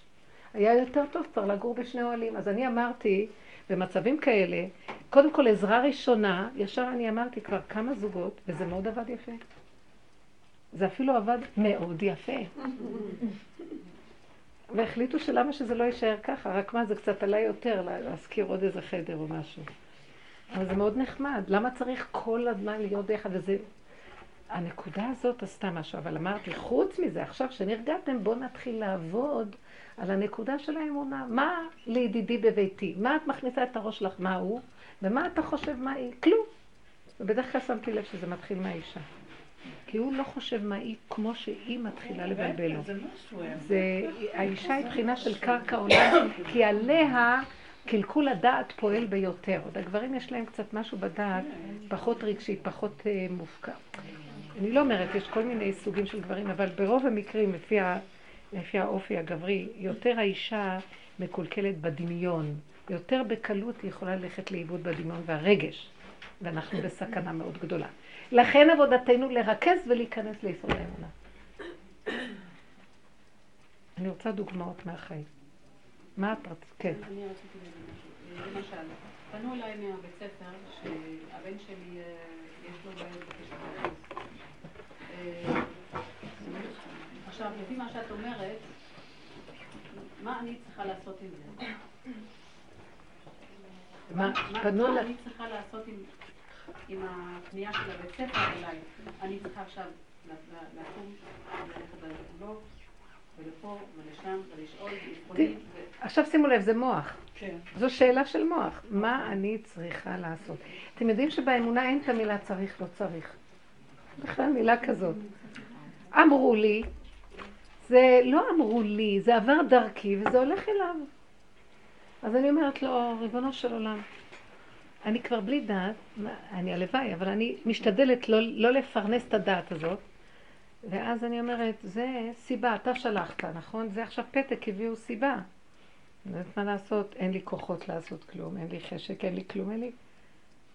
אז רבנו שלם, שלח לי סיבה ותראה לי מה לעשות. תורני השם דרכך, לך בעמיתך. נשמע שאנחנו כאן קוקוריקו קצת, לא? לא. אין לנו סבלנות, המוח והדעת אין לו סבלנות להמתין. אין כזה דבר בעולם המוח והשכל להמתין, אין המתנה. למה האדם הראשון חטא? לא היה לו כוח להמתין. אכילת עץ הדעת היא היסוד של החוסר סבלנות והקוצר רוח, וזה השכל. וכשאנחנו הולכים באמונה, מה אכפת לך? מה את מתרגשת? זה לא קשור אלייך. את המוציאה לפועל, יש לך תפקיד שיש לך ילד, והילד דרכך, את אפוטרופסית שלו, אבל הוא בעל הבית. תגידי לו, תשלח לי סיבה ותראה לי מה לעשות, ותסגרי את המוח, ולא לקשקש. וישר אני שמתי לב, אז מה הרבי יגיד לי? אני צריכה כבר לתת לו תשובה. אנחנו מחשבנים חשבנות לכל העולם, ורק לא יודעים לצפצף. אני חייבת להגיד את המילה לצפצף, זה לא יפה לצפצף על בני אדם, זה לא יפה. אבל זה לצפצף על המוח שלי שמחשיב את הבני אדם, ועושה מהם הרים וגבעות ומשתחווה לכל פסל ואליל שאני עושה מהמוח שלי מאיזה דמויות. כולנו ככה. אז לזה אני אומרת כרגע אל תתני ממשות. ומה אז עכשיו? סבלנות. ותגידו לו, תראה לי מה לעשות. אני לא יודעת, תיתן לי. וכשהמוח סגור, יש דבר מאוד מעניין. אני, את קולטת מסרים, את קשובה, את קולטת סיבות קטנות. או שבא לך איזה מחשבה, או מישהו אומר לך פתאום משהו שאת מקשרת, מעניין שאמרו לי דווקא את הדבר הזה, וכל מיני נקודות קטנות שאת רואה שהקדוש ברוך הוא שולח סיבות. ונניח שאין לך שום סיבה, והרבא מתקשר, נו, אז תגידי לו, אני לא יודעת מה לעשות. ונניח שיגיד לך, אז אני לא מקבל אותו לכיתה עד שלא תביא אבחון. אז לכי לסיבה. וחוץ מזה, מה רע בריטלין? אני לא בעד ואני לא נגד. בעולם האמונה אנחנו לא נגד ולא בעד אף אחד ולא כלום. אני בעד שהשם יראה לי אם כן או לא. ואם השם, אני חושבת שהשם לא יכול להגיד לי לכי על ריטלין? הוא ברא את זה גם. אבל זה לא יבוא ממני ומהשכל שלי ומהבהלה שלי, או זה אני לא אתן לו בגלל שאני מתנגדת לפי שיטות של הבנות. אני לא רוצה להיות ברת דעת בכלל, אני כבר לא מאמינה. אני תקופות הלכתי עם הנושא הזה של ריטלין, ואחר כך עכשיו נראה לי בדיוק הפוך. אז אני ירדתי מזה, אז אמרתי, אני כבר הייתי בעד, אחר כך הראה לי לא בעד בכלל, אני לא בעד, אני לא נגד, אני בעד שתבחרי בי, מה אכפת לך? אני אחליט אם כן או לא, אבל את תבחרי בי. אנחנו מתבלבלים בנקודה, כי הדעת כל הזמן רוצה להיות במקום אלוקים, וייתן כאלוקים. אה? זה מבהיל אותנו אחוזי השליטה הזאת בטבע. הוא רוצה לשחרר אותנו עם כל האחיזות, כל האחיזות, וזה מבהיל אותך. אז תגידי לו, אבא, כל מה שעובר לך במוח, המלחמה הזאת בתהליך של הורדת המוח, וההתבוננות שלך, מה קורה אצלך, את זה את חייבת לומר לו, מודה ועוזב ירוחם. תודי, תעמדי והתוודו את חטאותם לפני השם. תגיד לו, אבא, אני מתה מפחד. דורות של אחיזות. אני יכולה עכשיו להוריד את זה? אם אתה לא עוזר לי, אני לא יכולה, תרחם עליי. אוי לי מיצרי ואוי לי מיוצרי. אני אלך למות מהדעת הזאת. מצד שני, אם אני רגע עוזבת את זה, אני גם כן מתה מפחד. אז איך אני יכולה? תחוס עליי ותרחם עליי. כל היום לדבר איתו. ופעם אחת את רבה עם השם, תתפעסת איתו, פעם אחת את מאיימת עליו, פעם אחת את מסכימה איתו. זה האדם בתהליכים שלו, זה לא עם השם. מה אתם חושבים שזה השם? המוח סידר לנו השם. את עם הדיבור שלך זה השם. זה השכינה במהלכים השונים שלה ששוכנת בתוכך, והיא במעברים השונים. ויש לקדוש ברוך הוא תענוג מהעבודה הזאת, שתדעו, אנחנו מעלים הרבה ניצוצות ואנחנו עובדים ככה. קודם כל, את לא רבה עם הילד ולא עם הרבה ולא עם אף אחד, את עם עצמך. קודם כל העולם כבר נגאל ממך, ברוך השם שלא החלפת. זה מה זה נכון. ודבר שני, זה, זה, מה, הדיבור הזה והבירור הזה, זה המזון של השכינה השוכנת בתוך האדם והיא קבורה למטה, כי אנחנו כל היום מרחפים במוח ולא קשורים איתה בכלל. הדיבור זה הקשר לשכינה. דעו לכם שמדרגת האדם זה דיבור. בכלל לא החשיבה. החשיבה היא מדרגת המלאכים. הם כוח השכלי הנבדל. ואילו האדם זה כוח הדיבור. רוח ממללה. כתוב שהקדוש ברוך הוא ברא את האדם ויפח באפיו נשמת חיים, ויהי האדם לרוח ממללה. אז תרגומו, כאילו זאת אומרת כוח מדבר. וזה מותר אדם מן הבהמה. מה, מה ההבדל בין האדם לבהמה? לא המחשבה, הדיבור. כוח המדבר זה נקרא. יש החי והמדבר. כוח המדבר, בו הקדוש ברוך הוא ברא את העולם, הוא אמר ויהי. אתם יודעים מה זה כוח המדבר? שהוא בא מלמטה, לא מפה. זה פה עכשיו מקולקל פה, מקולקל, המוח מקולקל. המוח, אתם יודעים שאסור לאכול את הראש של הבהמות והדגים כי הם מלאים תולעים? כן. ידוע שהראש מלא תולעים. מצפון תיפתח הרע, הראש, אסור לנגוע בו. הראש לא טוב.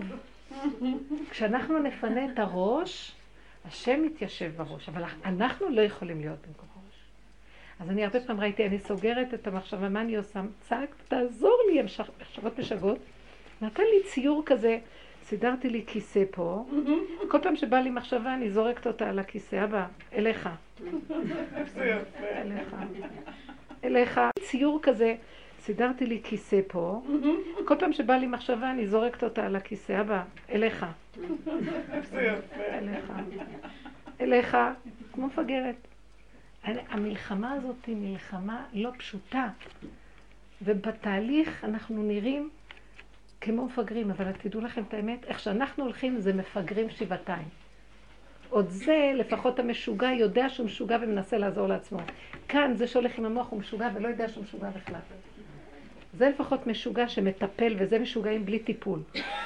מסתובבים חופשי בעולם. אני צריכה לשאול שאלה. כן. ברגע שהיא עשתה את ה... היא התפללה ואמרה לו, השם תשלח לי סיבה, והיא מחכה, היא צריכה כל הזמן הזה להמשיך להתפלל על זה? כאילו להתעקש בתפילה או להניח לזה? תניחו, תלמדו להניח. וגם אני אגיד לך את האמת, אני שמה לב, אני מתפללת זה, השם משכיח לי.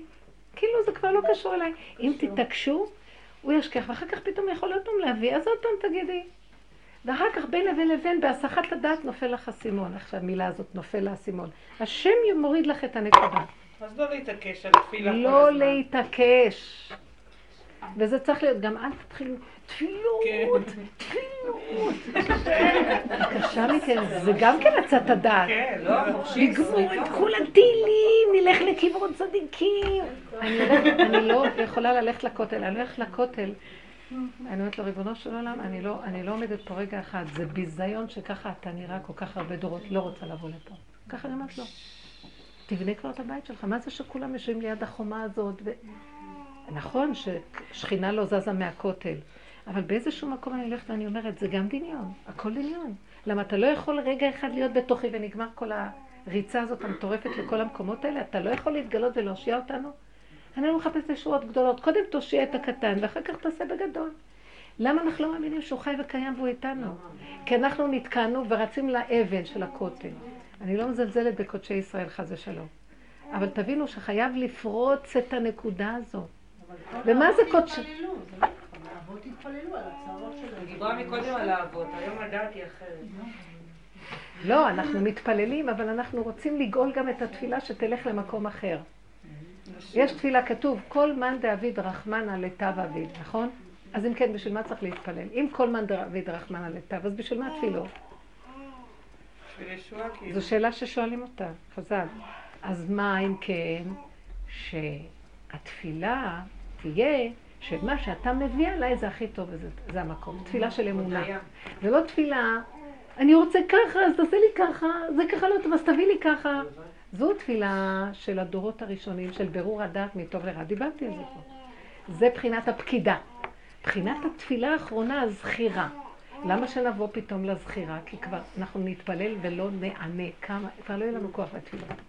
אז מה שיישאר הוא, נגיד לו, אתה יודע, אבא, מי אמר שזה רע? מה שאתה עושה זה הכי טוב. תן לי שקט, קבלה, מתיקות של הכנעה. כאילו עוד היה... למה אני, אני עכשיו מסדר לי במוח, תלכי לשם ושם תגמרי את הטילים, תעשי ככה ותעשי ככה. אתם יודעים מה, הוא יביא עלינו גם, הוא יביא עלינו גם חולשת הגוף כזאת שכבר לא יהיה לנו כוח ללכת לאף מקום. שבו איש תחתיו, כמו לפני שבת.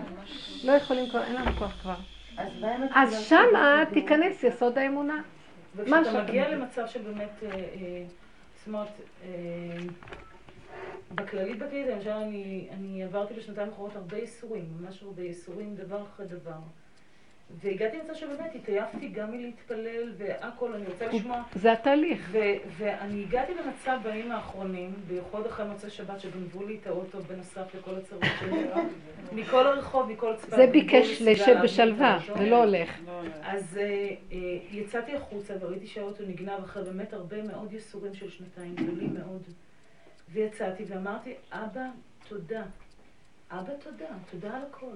כל מה שאתה עושה בטוח לטובתי, לא יכול להיות. וממש... זה לא יכול להיות כבר אחרת. אז מה עכשיו? יש לך כוח לרוץ למשטרה, לרוץ לזה? לא, לא. פתאום, יכול להיות שאחרי זה הוא ייתן לך כוח, אבל כרגע הוא נותן לך רגע אחד של אמת פשוטה. די. בשביל מה אנחנו מתאמצים כל כך לפתור את כל העניינים? מי אמר? איך שזה ככה.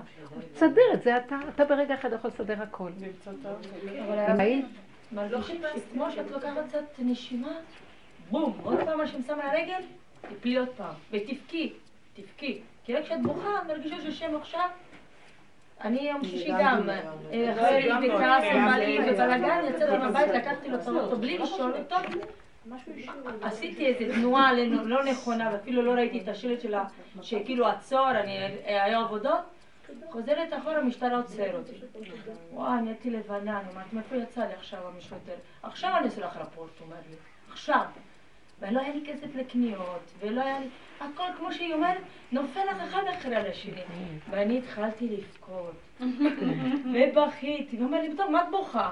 אמרתי, הכל הולך לי, לא היה לי קניות, ובעלי, והילד, ואתה עכשיו גם... ממש, לא היה לי כוח, לא היה אכפת לי, עושה מה שאתה רוצה. רפורט, לא מעניין אותי מכלום כבר.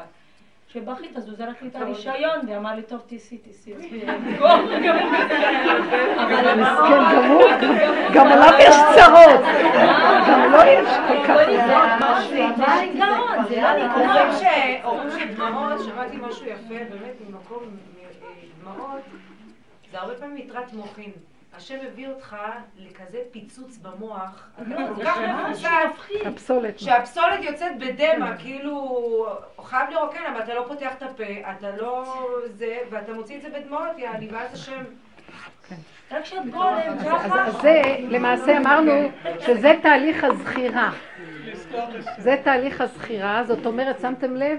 זה כמו צירי לידה של לחץ. ציר אחר ציר אחר ציר אחר ציר. צערתי, די, הגלות הזאת, גם השוטר הערבי, אין לי כוח, כאילו, מה עושה לי לפה? אין לי כוח, דרוזי, לא יודע מה הוא, כאילו, ממש גלות, הרגש לשם, אין לי כוח, אין לי כוח. אם לא תשלח עכשיו גלה, אין לי, אין לי כוח אפילו שבת, להכין, לעשות כלום. כן, נכון. זה המקום שהקדוש ברוך הוא מביא אותנו כדי שנרפה, הרפו ודעו כי אנוכי השם. כי אין ברירה אחרת. אבל אנחנו קשי עורף. מה זה קשי עורף? יש לנו יותר מדי דעת. אנחנו התייוונו. ההתייוונות הזאת, אנחנו לא שמים לב. ועוד, תראו בכל צד ושעל. אני רוצה להגיד לכם שאני אני נורא מבוהלת מהיהדות החרדית. כולנו צריכים מאוד מאוד להתבונן מה קורה לנו. אנחנו מאוד מותשים וכבר הולכים אחר כל מה שקורה ממילא. מאוד אנחנו, העולם שלנו היום שכח מה זה יהדות צרופה באמת. התגדלנו בכל מיני דברים של אה, חומר וטבע. המוח מאוד מאוד גדל בכל מיני תופעות של השכלה וידע, ואנחנו איכשהו כל הזמן מתפשרים עם המציאות של מה שקורה בעולם החילוני, מה שנדרשים מאיתנו במשרד החינוך וזה, ואז כל הזמן עושים קומבינות של פשרנות, ולאט לאט אנחנו בכלל לא זוכרים מה אנחנו בעצם כאן עושים, וזה משפיע עלינו, ואנחנו בחולשה מאוד מאוד גדולה. המקום הזה הוא מסוכן מאוד שלא יבואו עלינו ניסיונות של כאבים איומים כדי שהשם רוצה להחזיר אותנו אליו וזה כאבים. ובושר אמר שאם אנחנו לא נלמד את הדרך ונעבוד איתה, חבלו של משיח יהיה כמו שואה נוספת. קודם זה היה בגוף ועכשיו זה בנפש. ומה שהיה בגוף זה רק לאותת לנו להתעורר ולקחת מגוף דוגמה לנפש. אבל היום זה ככה. ואם לא, יהיה כאן חללים חללים, ימותו. הנפש תלך לי. שיגעון. כן. הבן שלי בן שלוש וחצי שבר שיאים, שיאי שיאים, השעו אותו מהגן על אלימות. חמש במכה פירק. קוראים לו גדליהו, על שם החשמונאים האלה. באמת, איזה לא, מי הוא היה גם, גדליהו? לא, הוא מתוק, תמים, מתוק, מתוק, מתוק, מתוק, מתוק, אי אפשר להסביר כמה, אבל אלים. התקשרו אליי מהגן שכבר הם לא עומדים בזה, הוא כסח, הוא לא שם לב, הוא באמת לא שם לב. פתאום להעיף מישהו, לא מרגיש כאילו שהוא עושה את זה. נגיד, הוא אומר לך, בוא רגע, זה בוא רגע. עכשיו, איך שהיא התקשרה אליי, את יודעת, באותו רגע התכווצתי, ואז, ואז השם ריחם עליי ברחמנות גדולה לא להגיב, כי אני מפלצת בעצמי, אז הוא... אז הוא כאילו אמר, אמר- השם אומר לי, סובבתי סיבה לעורר אותך. אז, אז היא אומרת לי, מה את אומרת? אמרתי לה, אין לי מה להגיד לך. עשה לי, את אה, מלמדת אותו בבית? אמרתי לה, לא יודעת, אני בתוכי רוצחת, לא יכולה ללמד אה, ילד... אה." ככה יצא לי, היא מכירה אותי, גם אמרתי לה, אני בתוכי יש רוצח, אני לא יכולה, אלים לא יכול ללמד ילד אלים איך להתנהג. אז אני לא מדברת איתו הרבה על זה, כי הוא ילד מקסים. אני רק מתפללת להשם שירחם עליו. ואז השם, אני אומרת לך, בדיבור הזה. עשה ניסים. למה? הוא בא הביתה, הוא בא ככה, הוא, הוא באמת ביישן, יש לו הכנעה, הוא, הוא באמת ילד טוב. אז הוא בא ככה ואומר לי, אמא, היצר הרע גדול עליי, גדול עליי, מתוק. אני אומרת לו, גדליהו, אהרון, הוא, הוא, גד- הוא גדול. לא, טוב שהוספתם לו אהרון, זה ממתק קצת את כן. לא, אז הוא אומר לי, תביני, אבל אני אסביר לך משהו שקרה במהלך שלושה שבועות מאז, כאילו, אה, אה, עבדנו, הוא שהה כמה ימים, ואז הסברתי לו שזה לא נעים, שאם נעים לו שמרביצים לו, אז זה לא נעים שמרביצים וזה, ואז אמרתי לו שהוא חייב להתפלל להשם. כי הוא אומר לי. מה אני אעשה? אמרתי לו, אתה מוכרח להגיד לה, השם נתן בך אלימות, רק השם יכול למתק את זה ולהוציא את זה, כי אני לא יכולה לעזור לך. אז הוא אומר לי, ומה אני אעשה? אמרתי לו, אני אגיד לך גם סוד. אם אתה לא תרביץ, אתה תהיה מושלם, אז זה קצת בעיה. אז, אתה יודע, אל תרביץ חמש פעמים ביום, תרביץ פעם. לא צריך חמש במכה. קצת, כל פעם אמרתי, איך הגנגסטרים מלמדים את הילדים שלהם. כי את לא יודעת לא ידעתי מה להגיד לו, הוא כזה חמוד, הוא באמת משתדל. אז את רואה אותו כל יום, באמת כל יום. משתדל להרביץ לאחד. לא, באמת, גם אומר לי, הבנתי רק לאחד. כל הכבוד. כל הכבוד. לא, יש ימים שהוא בא ואומר, אמא, היום הוא קיבל פרס מהרבה, הימים שהוא מצליח הוא מקבל פרס. אני אומרת לו, אתה רואה? אז הוא אומר לי, אמא, אני מתפלל, ותדעי לך שהשם עוזר לי. כן, כן. לא, לא, תעבדו עם מה אני אגיד הילדים. מה אני אלמד אותו? זה כל ההיפראקטיביות, במקום ריטלין וכל הדברים האלה. נולדים היום ילדים עם כוח חזק מאוד, שמחייב את הקשר לאמונה. אין יכולת בכלל, הדור החדש, הוא לא ילך עם הדעת בכלל. כוח האלימות יהיה מאוד גדול, כוח הכוחנות והטבע יהיה חזק. רק הטבע, האמונה תחזיק אותם. זאת אומרת, הדיבור להשם. רק לדבר להשם. היא אמרה, קחי אותו להתפתחות הילד, אמרתי לה, אני לא לוקחת את שום התפתחות הילד, אמרתי לי, ומה אם... אמרתי לה, מה את רוצה שיהיה רשום לו בתיק רפואי שהיה לו איזושהי בעיה בגיל שלוש וחצי? הוא ילד? קטן. זה גם המוח שלך. הוא ילד קטן, אני לא אכניס את הילד לכל מיני סיפורים ודסבוכים שיש לו בעיה, אין לו שום בעיה. היום זה זה, מחר זה יהיה משהו אחר, אז לא, מה? זה ההתרחבות של הדת, כל כן. האבחונים זה התרחבות והיא הדת. אומרת לי, תעזרי לו. אמרתי לה, לא, כי אבחן לו, הוא לא מרגיש אה, תחושה, באמת, הוא יכול לדחות משהו מאוד, הוא לא מרגיש. אני רוצה להגיד לכם, זה מעניין מה שקורה. ברור שאם יאבחנו, כל אחד מאיתנו ימצאו משהו. אני מבטיחה לכם, זה לא יכול להיות. כולל המאבחן בעצמו, הבנתם? כולל הרבה ששולח ל- ל- לריטלין, הוא גם יקבל ריטלין. אני פעם אמרתי, אמרתי לכם, שהרבה ייקח ריטלין ו-40 ילדים יירגעו. שולח את כל הילדים לקבל ריטלין. אנחנו יכולים ללכת נגד העולם, זה העולם, זה מה שעכשיו אז עכשיו, למה זה ככה? כי הדרך, זה היה דוד המלך. אני תמיד אומרת שדוד זה HDADD, כל הדברים. דוד המלך היה לו שערות איומות, הוא היה מבוהל מכל דבר, היה נדמה לו שכך וכך עושים לו, וזה הוא חושב. היו לו כוחות נפש מאוד חזקים ודמיונות, והוא את הכל כבש על ידי הצעקה והעבודה באמונה. זאת אומרת, זה הדור של דוד המלך היום, זה יהיה הדרך. שום דבר במוח, לכי לאבחונים, אז יגלו דבר אחר, כולה זה, יגלו. המוח מתרחב ואין סוף לדבר והיפוכו שלו. בשביל מה בכלל? זה לא המקום בכלל. איך אנחנו מחברים את הכל ליסוד של לקשר, לזכור את מציאות השם ולא ללכת על מציאות הדעת. להירגע. ואז תראו שזה מתנה, בדיוק מה שהיא אמרה כאן. אז תראו שדווקא כל מה שקרה זה מתנה וסיבה להיות קשורים עם השם, ולא כמו שהדעת רואה את זה.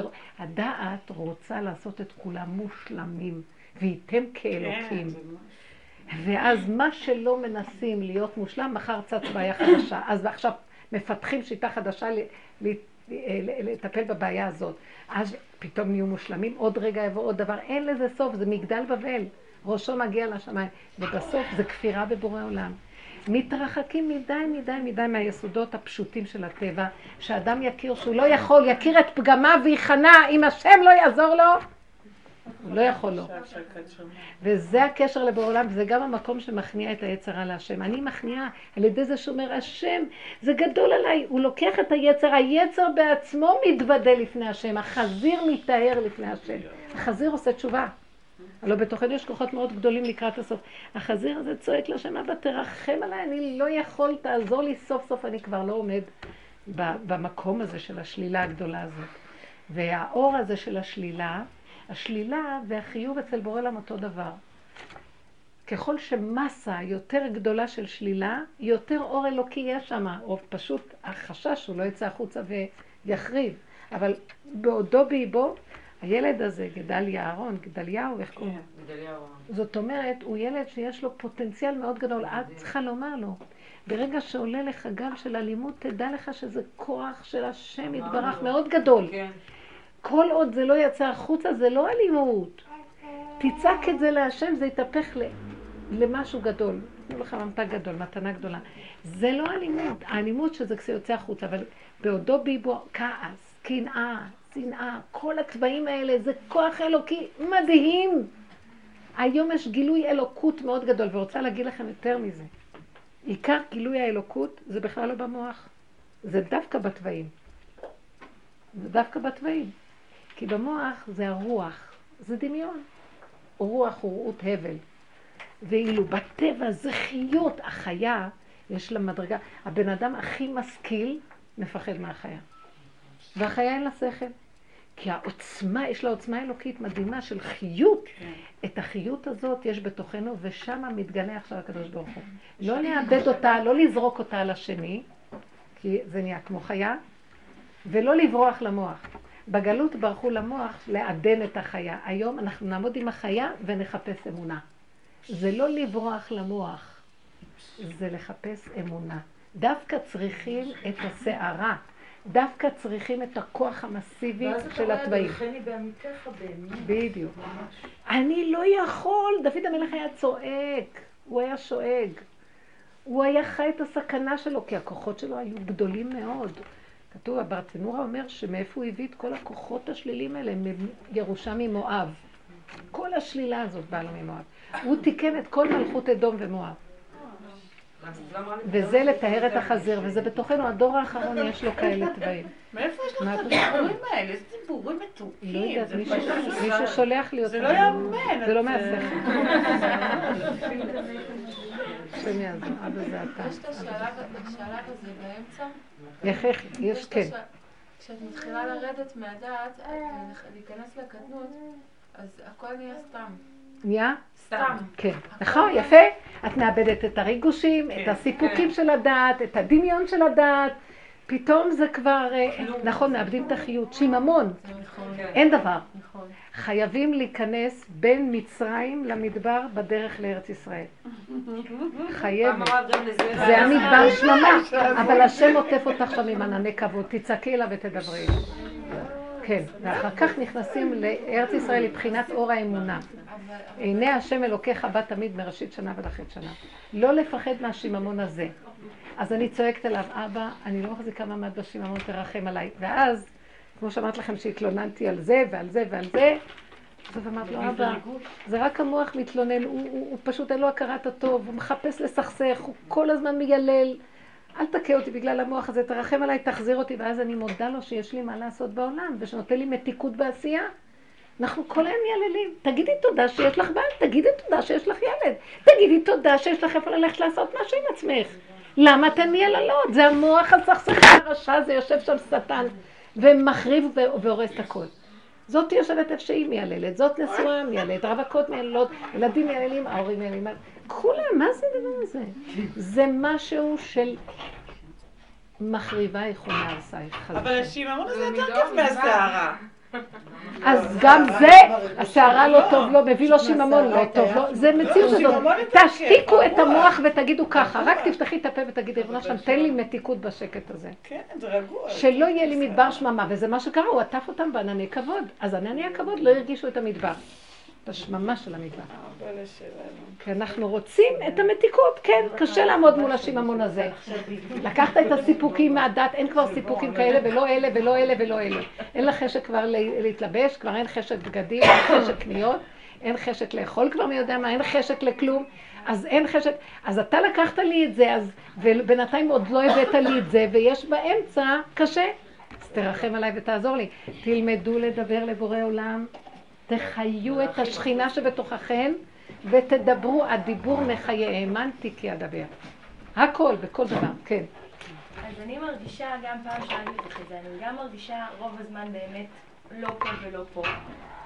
מין חיה מתה כזה, ואז טוב מאוד, באיזשהו שלב. אמרתי שזה טוב אפילו שביום יום זה לא מרגיש טוב. לא, את אומרת, אני לא חיה מתה, מת חי.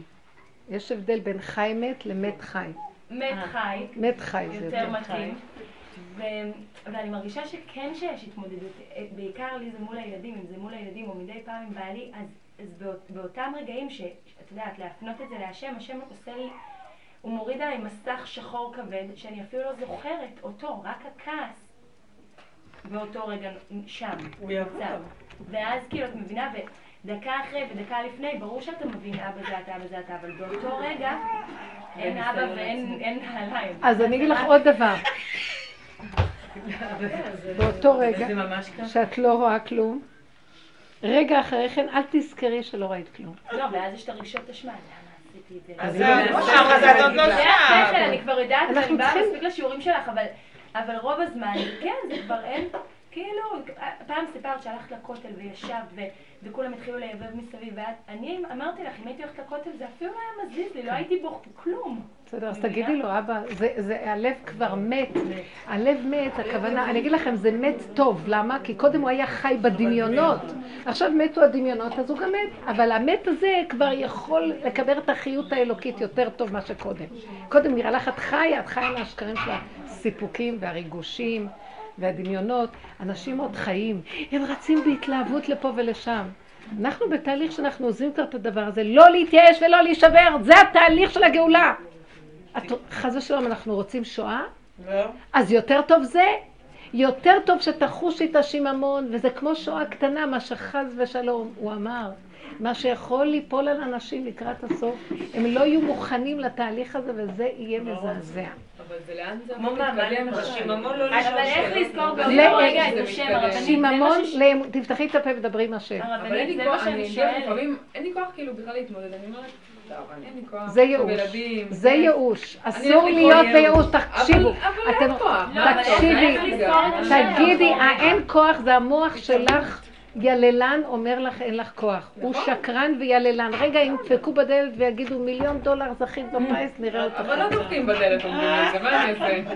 אז ידפקו, אני אשמח, לא דופקים, מה שמחה? תדעי לך לא. שהמאמת הזה שלך... לא, את אומרת בטבע, דופקים אני אשמח, לא דופקים אני לא אשמח. לאט, אתה אל תאמיני לטבע, עכשיו אבל נתתי אני, שיעור אין לי שלם. כוחות, אני מעצמי, אין לי לא, את צריכה לזהות? זה שטן בתוכך, תגידי לו, לך לעזאזל.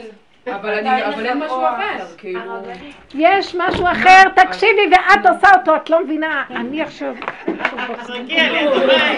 סבול את מה שהיא אומרת פה. את לא מבינה מה שאת אומרת. את. אומרת, אני בייאוש, זה אלה שנשארו במצרים וטבעו עד היום, לא יודעים איפה הם. 80 אחוז לא יצאו ממצרים. תקשיבי רגע, כן. תני קונטרה קצת. אין לי כוח, אבל זה מה שאני אומרת, אני יודעת שאני צריכה לתת, הילדים. רבים. תצעקי לבורא עולם שהשקרן הזה משכנע אותך שאין לך כוח. לך. אני אומרת לך את האמת, כשאת עומדת. מול הילדים, את יוצאת ל... אני אומרת לך את האמת, תגידי, כשאת כן, וכשליד. הילדים את לא צועקת? כן, זה יש לי אה. זה יש לך. את בייאוש? תגידי. זה ייאוש. בעבודה הזאת צריכים, אתן לא מבינות, צריכים להיות חזקים. אל תלכי לרפיון אבל- הזה. אבל- זה לא מספיק שאת יודעת שצריך להיות חזקים. בסדר, אני יודעת שצריך, ושאני עושה משהו שלא צריך. רגע, רגע, רגע, רגע, לא, זה- תקשיבי לי רגע אחד. כן. שכנעת את עצמך במוח שאין לך כוח. אל תאמיני למוח הזה. לא. תפתחי את הפה ותגידי, ריבונו שלם, תציל אותי, תן לי דיבור בפה. אני רואה את עצמי לפעמים ככה, פתאום אני אומרת, מה את ככה? את כן יכולה להקים את עצמך. השם יקים אותך, אבל את פיתחו לי כפתחו של מחט. ביד שלנו תמיד ההתחלה. השם רוצה לגאול אותנו, הוא רוצה לתת את הישועות הכי גדולות מטעם האמונה, אבל את צריכה לתת את הנקודה הראשונה. ביקש יעקב לשב בשלווה, השם אומר לו, אני לא אביא לך שלווה, אתה מתוך הצרה שלך תביא לעצמך שלווה קצת, ואני אביא עוד. תמיד תיתנו לי חתיכה קטנה של משהו. אתם, אין לי כוח. אז לכי לישון עד יום ראשון. מה זה אין לך כוח? אז מה תגידו, אני זה לא רוצה נכון, שיהיה זה לי שקר. כוח? זה שקר. רב בושר היה כמו אריה דרוך, מתמיד גדול, עקשן עצום. המלחמה הזאת חייבים להיות עקשנים.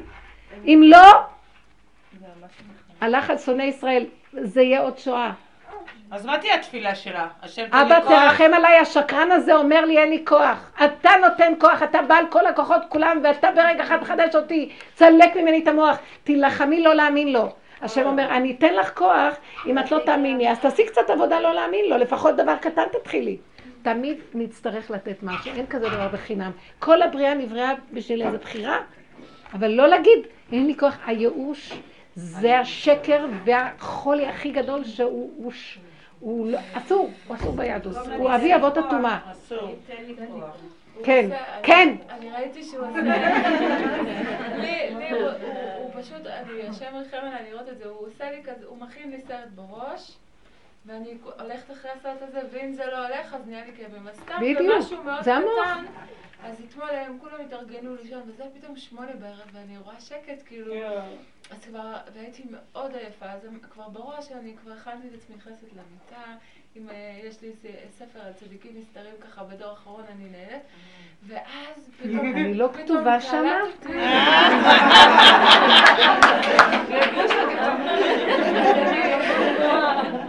מחפשים קצת כבוד, מה? ממה אני אפילו? עזבו דיבורים לחוד. אני אפילו ספר של דיבורים שלך קוראת כבר. אז בקיצור, פתאום ראיתי את הסרט הזה שהוא מכין אותי, ועכשיו, השם כבר הכין אותי כל השלושה חודשים האלה, שאיך שאני כבר באה לשים את הראש, התינוק שלי מתעורר. אז אמרתי, לא סרט ולא כלום, שום דבר. עשיתי לי בראש כאילו הכל המולה בבית, ושום דבר לא קרה, ואין לי שקט עכשיו, ואני לא הולכת לקרוא, ולא שום דבר. אין לי בכלל, ביטלתי את כל המחשבה הזאת, רק לא, רק שאני לא אכנס למיטה ואין לי את הכאב הזה שהתינוק יגמול. זה מה שחסר לי עכשיו, זה אי אפשר לסבול את זה, הכאב מהדמיון הוא הרבה כן. יותר גדול מהמציאות הקיימת. אבל אנחנו הולכים אחרי הדמיון, ואז יש לנו ממש... אמרתי לך. שתכתבי ספר, את אמרתי לך. אני, יש לי מלא כתבים, תכתבי את בשבילי. בבקשה, בשמחה. אני, הרבה פעמים רציתי, יש לי. המון המון חומר, ואני אומרת לכם. המניעות הן איומות. אמרת לו, ריבונו של עולם, אני לא נאבקת על כלום. אתה רוצה, אתה צובב סיבות בקלי קלות והכל הנה. הסיבה. הורני סיבות. אני יכולה להקליט את זה, זה דברי תורה כל היום. זה כן. כמו במוצאי שבת, שהיה את הניסיון הזה שגנבו לי את האוטו.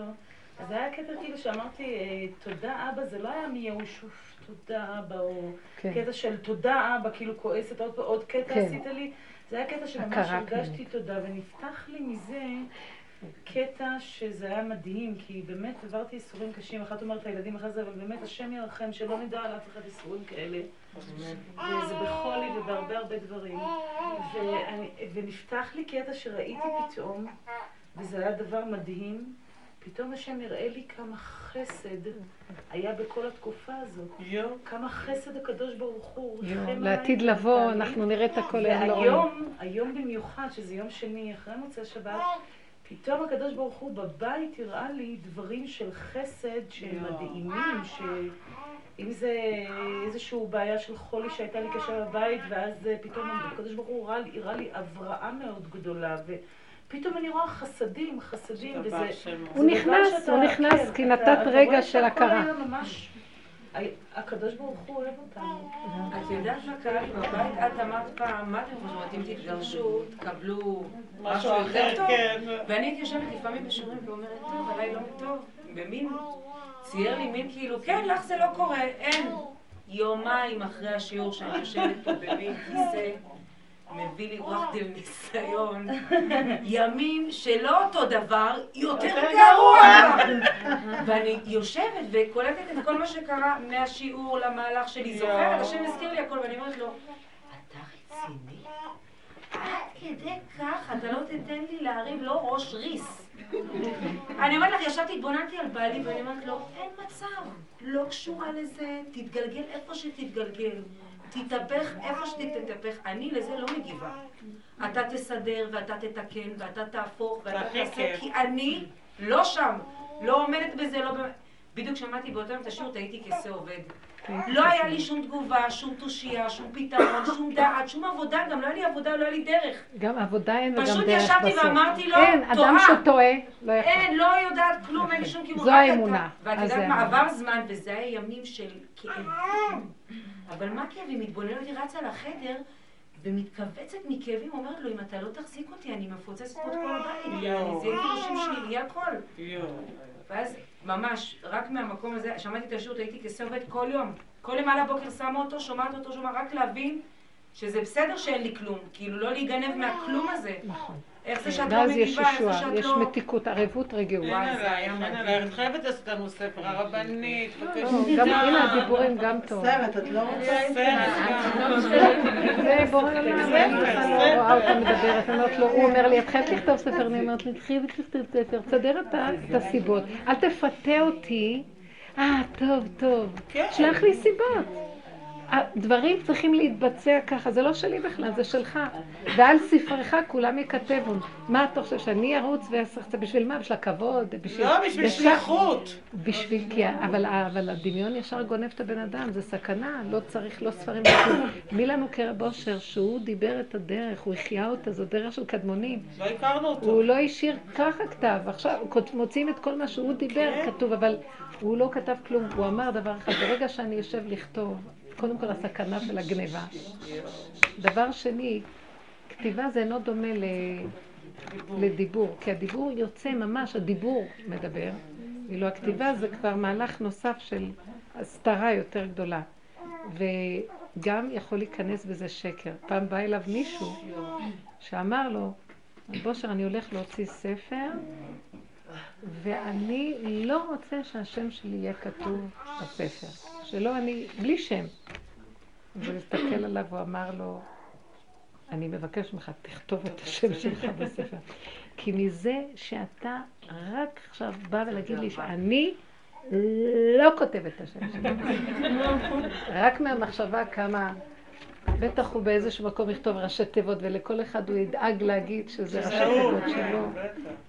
הבן אדם לא יכול בלי הכבוד, אז כל דבר שיכול להפיל אותו, עדיף שכרגע לא ייגע בו, ואם השם ירצה הוא יסובב סיבות, וזה הכל יהיה בלי שהאדם ידע. מילי ולפומה לה גליה. אה, הכל זה שלא יתברך.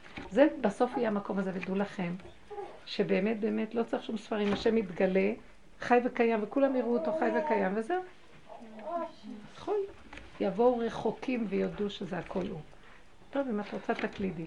אני רוצה, אני רוצה להגיד משהו, אני התחלתי לעבוד כנציגת מכירות בסופרסל של לאומי קארד, וצריך לעשות הרבה כרטיסים. עכשיו, אני לא באה עם השערות וזה, אני אומרת לו, השם, מה שאתה רוצה, כמה כרטיסים, תביא יד אליי, אני לא הולכת עם זה. ברוך השם, משתבח שמו, אני לא רצה, רצה, רצה. בעבודה כן. שלה. זה ברכה, זה זה טוב. ברכה, זה כי כיף. זה לא הכמות, זה האיכות, זה לא הרב, זה השם, המעט כן. שיש בו ברכה, כן. לא הבנתי את ה... אה, מה שהרבנית אמרה, כל מאן דאבי רחמנה וכולי. אה, אם באמת אה, את העניין הזה, אז למה להתפלל? ויש את התפילות בסידור, ויחד עם זה, למשל, לדוגמה, מה שהיא אמרה, אין לה כוח, גם שם השם. זאת אומרת, לא, זה ייאוש, ייאוש אין את השם. איפה, איך אנחנו עושים את ההבחנה? היא, אומרת, אין לי כוח, השם לא נמצא שם, הוא גם שם, הוא הביא אותה למקום הזה של להרגיש שאין לי כוח. זאת אומרת, כשאת אומרת אין לי כוח, זה הדעת הכוחנית ש... שהיא גנבה את מלכות השם, הכל בכוח, כן? דעת היא הכוחנית. אז היא מתחילה ליפול, והיא אומרת אין לי כוח. או, או אולי אין לי חשק. אז או אין לי חשק, לא חשוב. עכשיו המקום הוא להבין, אם נפל המוח, שאתה יגדל נא כוח השם, כאשר דיברת למוח. עכשיו שיקום, האמונה תקום. אבל היא אומרת אין לי כוח, ומתייאשת מזה שלמה אין לי כוח. הייתי רוצה שיהיה לי, ועכשיו אין לי, אז זהו, אז אין לי. שלא זה מסמל את האפשרות שיבוא ממלכה חדשה. עכשיו, מלכות חדשה צריכה לקום. עכשיו, אותו דבר. כל מאן דוד רחמנא לטב אביד.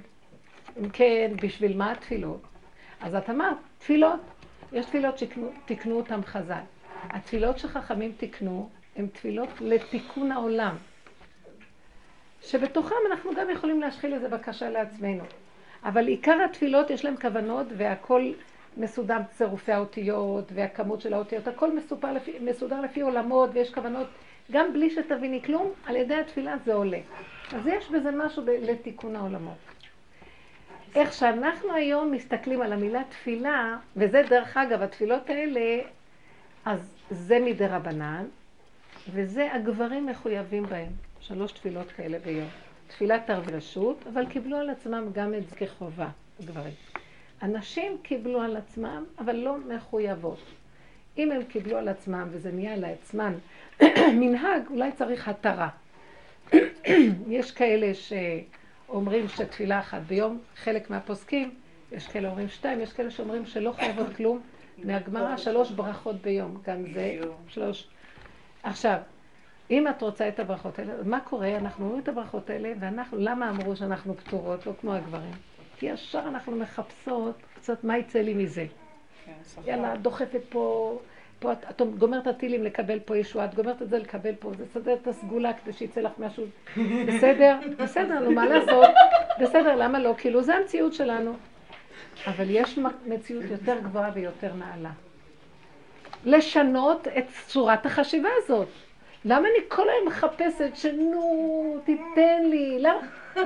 איך שזה ככה, מה חסר לי? אני מתפללת על הרצוי, ואני מתעלמת מהמצוי. והמצוי הזה, קודם כל הכרת הטוב, תודה. כי המוח של הגדיות רוצה ורוצה ורוצה, והוא רץ. כל היום הוא רץ הלאה, קדימה, קדימה. והאמונה היא הפוך. היא כמו שבת. שבו איש תחתיו, לשבת. יושבים. כשאדם יושב הוא נהיה קטן, כשהוא עומד הוא גדול, כשהוא רץ הוא עוד יותר גדול, קדימה.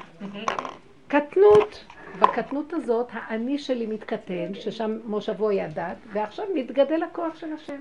זאת אומרת, אני אומר, ריבונו שלם, בסך הכל, מה שאתה מביא לי זה לא רע, תודה רבה. מתחיל להיות המוח של האינטרסים, של הרצון לזה ולזה, המוח שרץ. זה המוח ההיפר-אקטיבי של הדור האחרון. רוצה את זה וגם את זה וגם את זה וגם את זה, וגם כל איך שהעולם בנוי, שאנחנו כל היום מגורים ומחקים את כל מה שאחד רוצה, מה שהשני, בכלל לא יודעים מה אנחנו באמת רוצים. זה לא המקום של האמונה. השלב האחרון יהיה לשבת.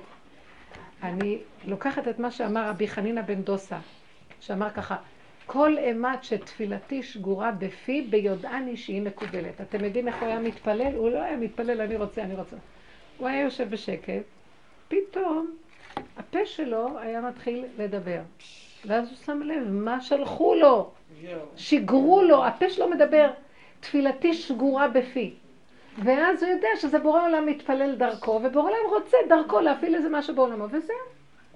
כבר אין לו רצונות מצד עצמו כאלה או כאלה, מה אכפת לו, יהיה לו ככה או יהיה לו ככה. מצידו, מה, מה חסר? איך שזה ככה, הכל טוב.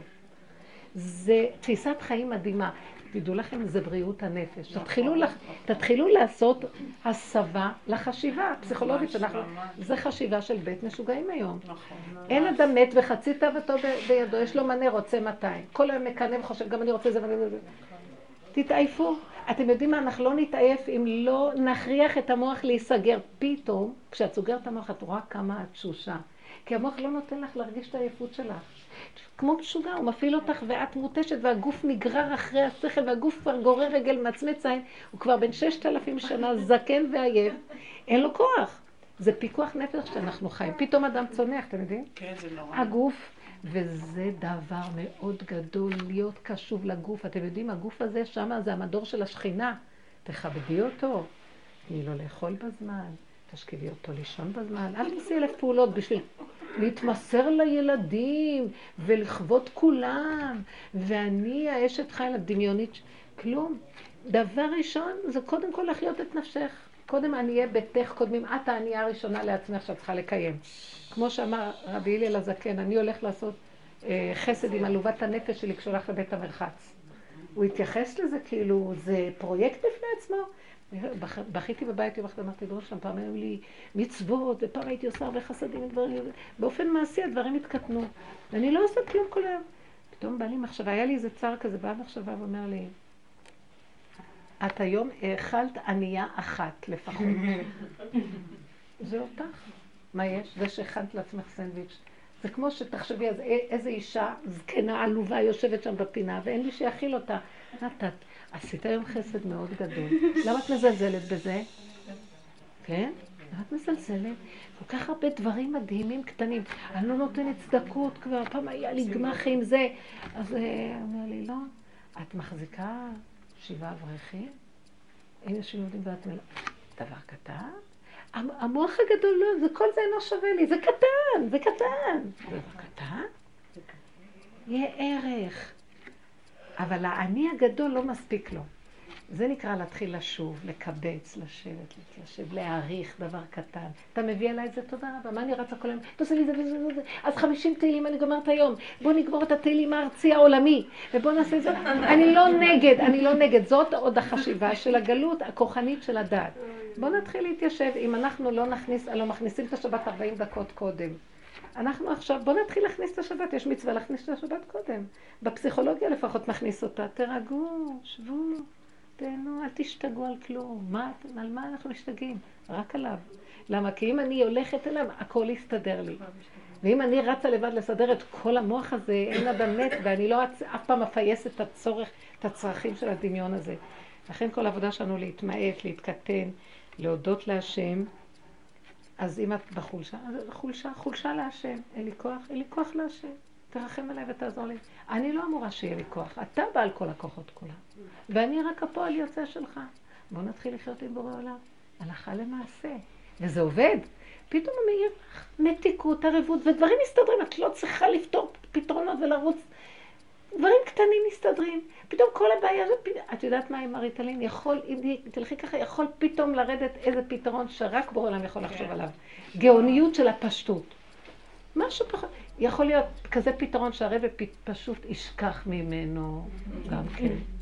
הרבה פעמים אמהות אמרו לי, ואמרתי להם, חכי קצת, תפללי להשם. אמרת לי, הרבא לא חזר אליי יותר בדבר הזה.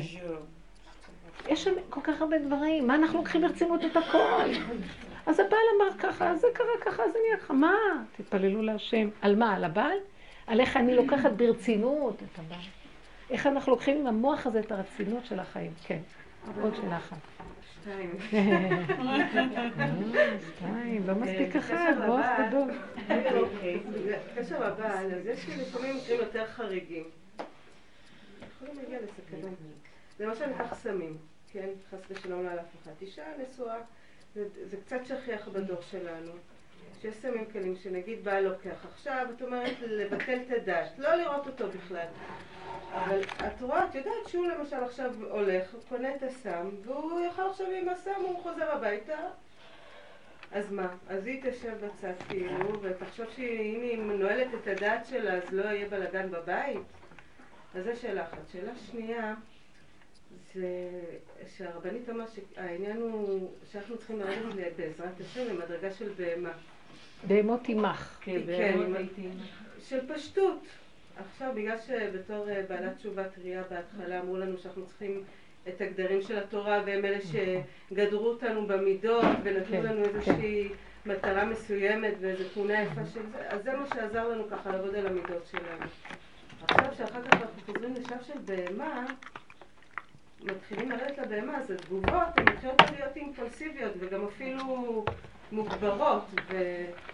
אז זה הסיבה להיות קשור עם השם, זה הסיבה להיות קשור איתו מאוד. אז יש כזה שהוא כאילו... קודם שמחת על הדעת שלך, של התורה. והיום את צריכה לסמוך על בורא עולם, יש הבדל. החזירו אותך בתשובה כדי לקבל תורה ואת צריכה דעת. את עוברת את התהליך של יציאת מצרים, יצאת ממצרים, חוזרים בתשובה, יצאו ממצרים, מקבלים, חייבים לקבל תורה. זה הפקידה. אחר כך, היום התהליכים מואצים, אחר כך את מיד... אחרי כמה זמן את צריכה לחזור למצב של התשובה באמת של הזכירה. עכשיו את התהליך הבא של להכניס אמונה לתוך מציאות החיים. גם בעלי תשובה לא יכולים לשהות הרבה בתוך מציאות עולם התורה בלבד, כי יסודם של בעלי תשובה בא מעולם הזכירה, מאורו של משיח. לכן הם חייבים לו. הוא נתן להם הלוואה להחיות את נפשם מעולם, כן. מעולם של האור הגנוז, כן. ודאי. ואז עכשיו חייבים להחזיר לו את זה, ואז חוזרים. לא, אבל צריכים להיכנס בעולם התורה, אחרת איך נדע? יש, יש מקום למצות את הכוח של המוח, כי זה גם כן עזרה בתיקון של עץ הדת. מזכים ל- ל- לתיקון של עץ כשאת הדת. מגיעה למצב הזה של הפשטות, שלא מעניין אותי עכשיו, כאילו, אלא של פשטות, מה שיש לי, מה שאין לי, כמו תרנגולת, אז התגובות הן אימפולסיביות, התוואים, לא, זה המקום על מנת לחבר אותם לאמונה, לפה, תחברי אותם לפה. תגיד, כמו שהילד הקטן. גדליה אהרון הקטן הזה. אז התגובות הן אימפולסיביות יותר, העצבים, אבל- הוא נאבק, אבל הוא התאוות, אם רגשות. קודם, שנכנסת לעולם התורה בדעת, אז גם נאבקת עם המידות דרך הדעת, כאילו, אבל- נכון? אבל שיחקתי אותה צדיקה. שיחקת אותה, אבל לשחק אותה גם כן זה עבודה, לא? כן. אז גם עכשיו, אל תחשבי שאת פטורה, את נכנסת לעולם, בהמות הייתי עמך, כן, פירושו של דבר, זו עבודה מאוד כאילו, קשה, לא? התאבקות, צעקה, זה עבודה אבל מסוג אחר. ומה על השאלה הראשונה? על השאלה הראשונה, זה המקום הזה. קחי את המקום הזה, ואת התסכולים שיש לך מזה, תעלי לקדוש ברוך הוא בצעקה. כן. אל תדברי עם הבעל מילה ולא חצי דבר על הדבר הזה.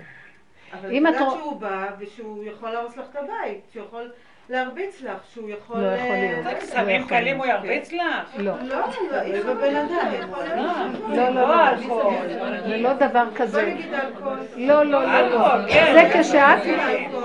כשאת, כשאת מגיבה, וכשאת זורקת לעברו ביקורת במוח, אפילו אם את לא אומרת, נכון. מפגינה לתוך חלל האוויר ביקורת וכעס, וטרודפת אחריו דין רודף במוח, אז זה יכול נרקומן לעורר אלימות במצבים האלה. הוא מרגיש. איך? אם הוא הבעל או הנרקומן או אלכוהוליסט, לא תרדפי אחריו. לא? אז טוב, אם זה במדרגה שהיא באמת, באמת, את אומרת, אני מנסה לבדוק, אם את יכולה עוד לעשות עבודה לקשר את זה לאמונה ולצעוק לה שם, יכול להביא ישועה גם במצב הזה, ואם המצבים מאוד מאוד קשים, שזה כבר מצבים כרוניים קשים, יש גם מקום לא להסכים.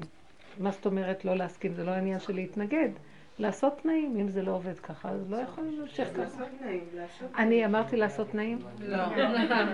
שכחה את התנאי שאמרתי, אם, תבחני עם עצמך. אני תמיד מציעה, תעשי תקופה של עבודה, שלא יבואו לך בטענות שלא עשית. אחר כך זה ירדוף, הגלגול תמיד חוזר ל... פעם אמרתי לכם שאחד היה אה, קשור אצל רב אושר, איזה אחד שהיו לו כל מיני עבירות פליליות. חסיד אחד. תפסו אותו, בסוף שמו אותו בבית סוהר. שמו אותו בבית סוהר, אחרי כמה שנים הוא חוזר לרב אושר. הוא אומר לו, רב אושר, אתה לא מבין מה, לא סיפרת לכם את זה? לא. אתה לא יודע מה היה שם בבית סוהר, לא סתם השם שם אותי. אני החזרתי שם בתשובה את האנשים. אני פתחתי מניינים, אה, לימוד משניות, שיעור גמרא, והולך ומפרט לו דברים שהוא עשה. רב אושר קם ואמר, ווי ויי, ווי ויי, התחיל למרוט את שערת הקרחת. אמר לו, אז תגיד לי, בשביל מה שמו אותך בבית סוהר? אתה רוצה לחזור עוד פעם לבית סוהר? כי אם לא קלטת למה אתה צריך להיות בבית סוהר, ולא עשית את התיקון הנכון שם, אז עכשיו יחזירו אותך עוד פעם, אם לא בגלגול הזה, בגלגול הבא, הוא לא מבין מה לדבר איתו. הוא אומר לו, לא שמו אותך בשביל שתחזיר אחרים בתשובה. את עצמך החזרת בתשובה? אתה התוודית לפני בור עולם איזה גנב אתה, שגנבת כל כך הרבה, קיבלת שם כיסא גבוה, סידרת לך, נהיית אדמו"ר שם, סידרת זה, שכחת שאתה גנב, ואיכשהו הזמן חלף. תדע לך, חכה בפינה, זה יחזור עוד פעם. לך תצעק ביערות שאתה גנב. נשארת גנב, למה הכניסו אותך לבית סוהר? לעשות חשבון נפש. וזו אחת הסיבות שדבר מאוד מעניין קורה פה. על פי דין תורה אין בית סוהר. זה דין הגויים בית סוהר. אין כזה דבר בית סוהר. יש דיני תורה. 40 מלכות, יש אה, אה, דין קורבנות. יש- אה? עיר מקלט. יש עיר מקלט, אבל עיר מקלט זה לא, זה לא בית אסורים. אין מקום. הכל תפוס אבל אם הוא יוצא משם מלא. כן, נכון, זה כאילו הסגר, כמו הסגר, אבל זה לא- זה לא כמו בית אסורים. רוצים לטוס לירח, לירח מלא. כי למה הוא בורח לעיר מקלט זה לא בית אסורים, זה פתוח הכל, הוא כל רגע יכול לצאת, הוא רק מפחד שיתפסו אותו, אם הוא יוצא מעיר מקלט, אין, אין, אה, יש עליו דם, מה שנקרא, אז אפשר לתפוס אותו ולהרוג אותו, ואין עליו, אה, לא יכולים להגן עליו, אז עיר מקלט מגינה עליו, זה לטובתו רוצה להישאר, זה לא בית אסורים. בית האסורים, זה מה שקרה לו שם, כי למה לא נותנים את הדין, את הדין, אין דין של בית אסורים? כי האדם מתבקש לעשות תשובה עם עצמו ולפרק את ה... ובאותו רגע, אותו מקום נותנים לו את המכה הזאת, או את הקורבן הזה להביא, או את הדבר הזה לעשות. מה יש ישיבו אותו חמש, עשר שנים, להאכיל אותו שלוש ארוחות עם תנאים די טובים, והוא לא יודע בכלל למה הוא נמצא שם. הלוא האדם צריך להתבונן ולראות מה רוצים ממנו. והכרת הפגם, זה הנקודה. לכן תתבונני בנקודה הזאת, ותראי, למה המצב, אולי זה לא היה ככה וזה החמיר. גם האישה והבעל זה גירוי תגובה שמזינים כל הזמן את אותה נקודה ולא יכולים לצאת ממנה, זה נהיה פלונטר. אז דווקא ראיתי ששמים גבולות, אז זה משתפר. אז שמים גבולות. לרגע, אבל אחר כך זה חוזר. זה כמו אילוף. יש חינוך. ויש אילוף. לאלף זה לא הנקודה, אנחנו רוצים ליצור מצב של נקודה. בסיסית שעובדת כן. לעומק, שלא תחזור עוד פעם. וזו עבודה שורשית שאנחנו עושים, לשוב בתשובה לעומק. למה הקדוש ברוך הוא שם אותי במצב הזה? מה השם רוצה כן, אבל? השאלה אם אנחנו רוצים לבחור בזה או לא. זאת אומרת, כאילו, אתה יכול להימצא באיזשהו מצב מסוים, שאוקיי, אתה רואה או סמים שאת אומרת, או איזה פלונטר של, לא משנה, מלא סיבות. מלא היום. לא- סיבות, אבל ואז אני- את מגיעה אני- לא עוזר כלום. שאת אומרת, אה, זאת אומרת, חייתי ככה, נגיד סתם, אתה נשוי 20 שנה. חייתי ככה וזה לא משתנה, אני מנסה לתת גבולות וזה לא משתנה, אני מנסה לקצץ וזה לא משתנה, אני מנסה להוריד את הראש ושאוקיי, תמדרה חוויות וזה לא משתנה. ועכשיו אני מגיעה למצב, האם אני בוחרת בזה או לא? כי הוא לא, לא זה- שם, זה אני לא לא. אני, זה אני. אני תקשיבי, אנחנו. מדברים קצת על הדברים אחרת. אני אני. צריכה דר- דרך הפגם הזה שמכעיס אותי שם להתבונן מה מכעיס אותי אצלי. בדיוק. למה אני כל כך כעוסה וכאובה, ולמה השם שם לי מולי כזה דבר? אני שנה לפני הגירושים לך על הקו כל למה הוא הזמן, שם לי כזאת מציאות מול העיניים? עברתי. הפקרות שכזאת, זו הפקרות. זה בריחה מלקיחת אחריות. מי שלוקח סמים הוא פשוט מפרק את עצמו, מפרק. מפרק את ה... הוא לא רוצה להתאמץ בשום דבר, הוא רוצה בחיני חינם הכל. אז להתבונן בדבר הזה, זה כמו שאת אמרת, אין לי כוח, זה הפקרות, זה כמו לקיחת סמים מצד מעלת הנפש הגבוהה, זה אותה קטגוריה. כן, שימו לב, אל תגידו אין לי כוח, תצעקו לבורא עולם, אתה נותן את הכוחות.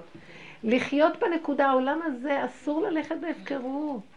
זה חבל על הזמן, זה, אם היינו יודעים, בדיוק סיפרה לי היום, שיראו, יראו איזה סרט ש...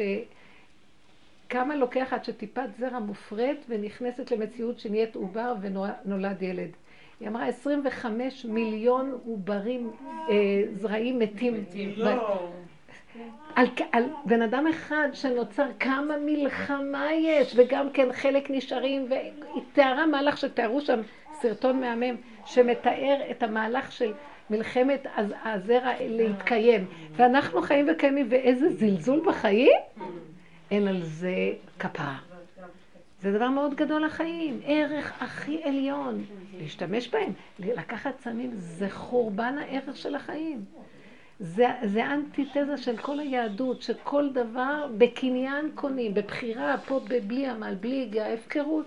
אז עכשיו תעמדי לו-. מה? אבל זה- יש סם שהוא, שנותנים אותו... לפני שתראי אותו, תראי את עצמך, בנות. חפשו את עצמכן, כי הוא ייתן את הדין על הנקודה שלו, ואת, גם את תתני, כל אחד ייתן, אז קודם תדאגי לנפשך. כולנו נצטרך לעמוד מול הבית דין, אף אחד, בעלך לא יוכל לעמוד בזמן הדין שלך. האדם עומד לבד מול בית הדין. תסתכלי עכשיו בנקודה, הזדמנו לך, זימנו לך אפשרות להתבוננות. מה שקורה אצל השני, ויש לי נגיעה בעניין הזה, שייך אליו. תתבונני, תתבונני ותראה. יכול להיות שזה המקום שנותנים לך אפשרות. איך? את יודעת, הרבנית, הסם הוא מבטל את רגע, אבל הדעת. למען הסדר הטוב, אני לא לוקח סמים. לא, לא, בסדר. לא, באמת. את יודעת מה הסם עושה? הסם מבטל מה את? הדעת.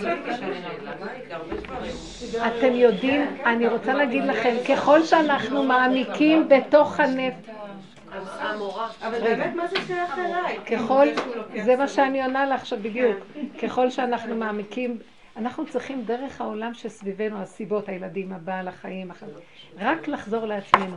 ככל שאני מעמיקה להתבונן, אני אומרת, ריבונו שלם, בחיים לא חשבתי שיש לי זה וזה וזה. ביסודות דקים, הוא מביא אותי דקה מן הדקה לתשתיות. אני רואה כל עולם המבול, התוהו, כל עולם דור אנוש, כל עולם הפלגה נמצא בפנים. זה גם כאבים לראות את כל זה. אני כבר גם למדתי בנקודה שזה לא העניין לאכול, זה העניין של לעבוד עם זה, לא, להתוודות, להתוודות לפני, אני לא רוצה להיות מושלמת, אני רוצה רק להחזיר, דרכנו עובר עולם ומלואו. להחזיר את זה לשורשו על ידי וידוי דברים ובקשת הרחמים, אבל זה עולם התשובה. אז את באה בא להאשים אותו, ואז זה גירוי תגובה, ואז הוא עוד יותר גודל. בגלל שאת לא מחזירה את זה לשורש, אין תיקון לו. והוא מסכן תלוי בך. תדעו לכם שאחד חולה כזה, זה כמו ילד חולה, תלוי באמא שלו. הוא תלוי בנקודות של העבודה שלנו, ואז יכול להיות שיפור מאוד גדול במצבו, וגם הוא יתעורר מהמציאות הזאת. ממש, זה פתאום יכול להיות חסד שאי אפשר להבין. כן, כן. פתאום אתה רואה את כן, החסד. עבודה שלנו היא מאוד גם. בעצמי ולעשות וידוי. כן, כן, את לראות את הזה. המציא... אני הצעתי את נקודת ההפקרות. את יכולה להגיד נקודת אלימות, את יכולה לחפש נקודות שונות, את יכולה להגיד את המקום של... גם את אחראית על הילדים, אבל אם היה אפשר, היית זורקת את כולם בדיוק כמוהו. אנחנו בעל כורחנו החיים, אבל באמת באמת לא מצד שאנחנו באמת עושים את זה. כולנו נתבונן ונתוודע על האמת להשם, זה לא קשור אליו כלום. פעם, פעמיים, שלוש, ארבע, שחררי אותו ממך בכלל, מה קשור אלייך כרגע? את, התגובות שנוצרו כתוצאה מזה, זה מה שקשור אלייך, ועם זה תתחברי לאמונה, לבורא עולם, לדיבור, ותראי ישועות, שזה ישפיע על כל בני הבית. וזה העבודה שלנו. מבשרי יחזה אלוקה, וזה עבודת התשובה, וזה עבודת דוד המלך, וככה הוא גילה את הבורא, והמליך אותו עליו מלכות שלמה, ובהמלכה של העבודה הפרטית שלו הוא הועיל לכל עם ישראל בגילוי של הגאולה. הוא הראשון והוא האחרון. שיתגלה במהרה בימינו עלינו. ברוכים תהיו, חנוכה שמח.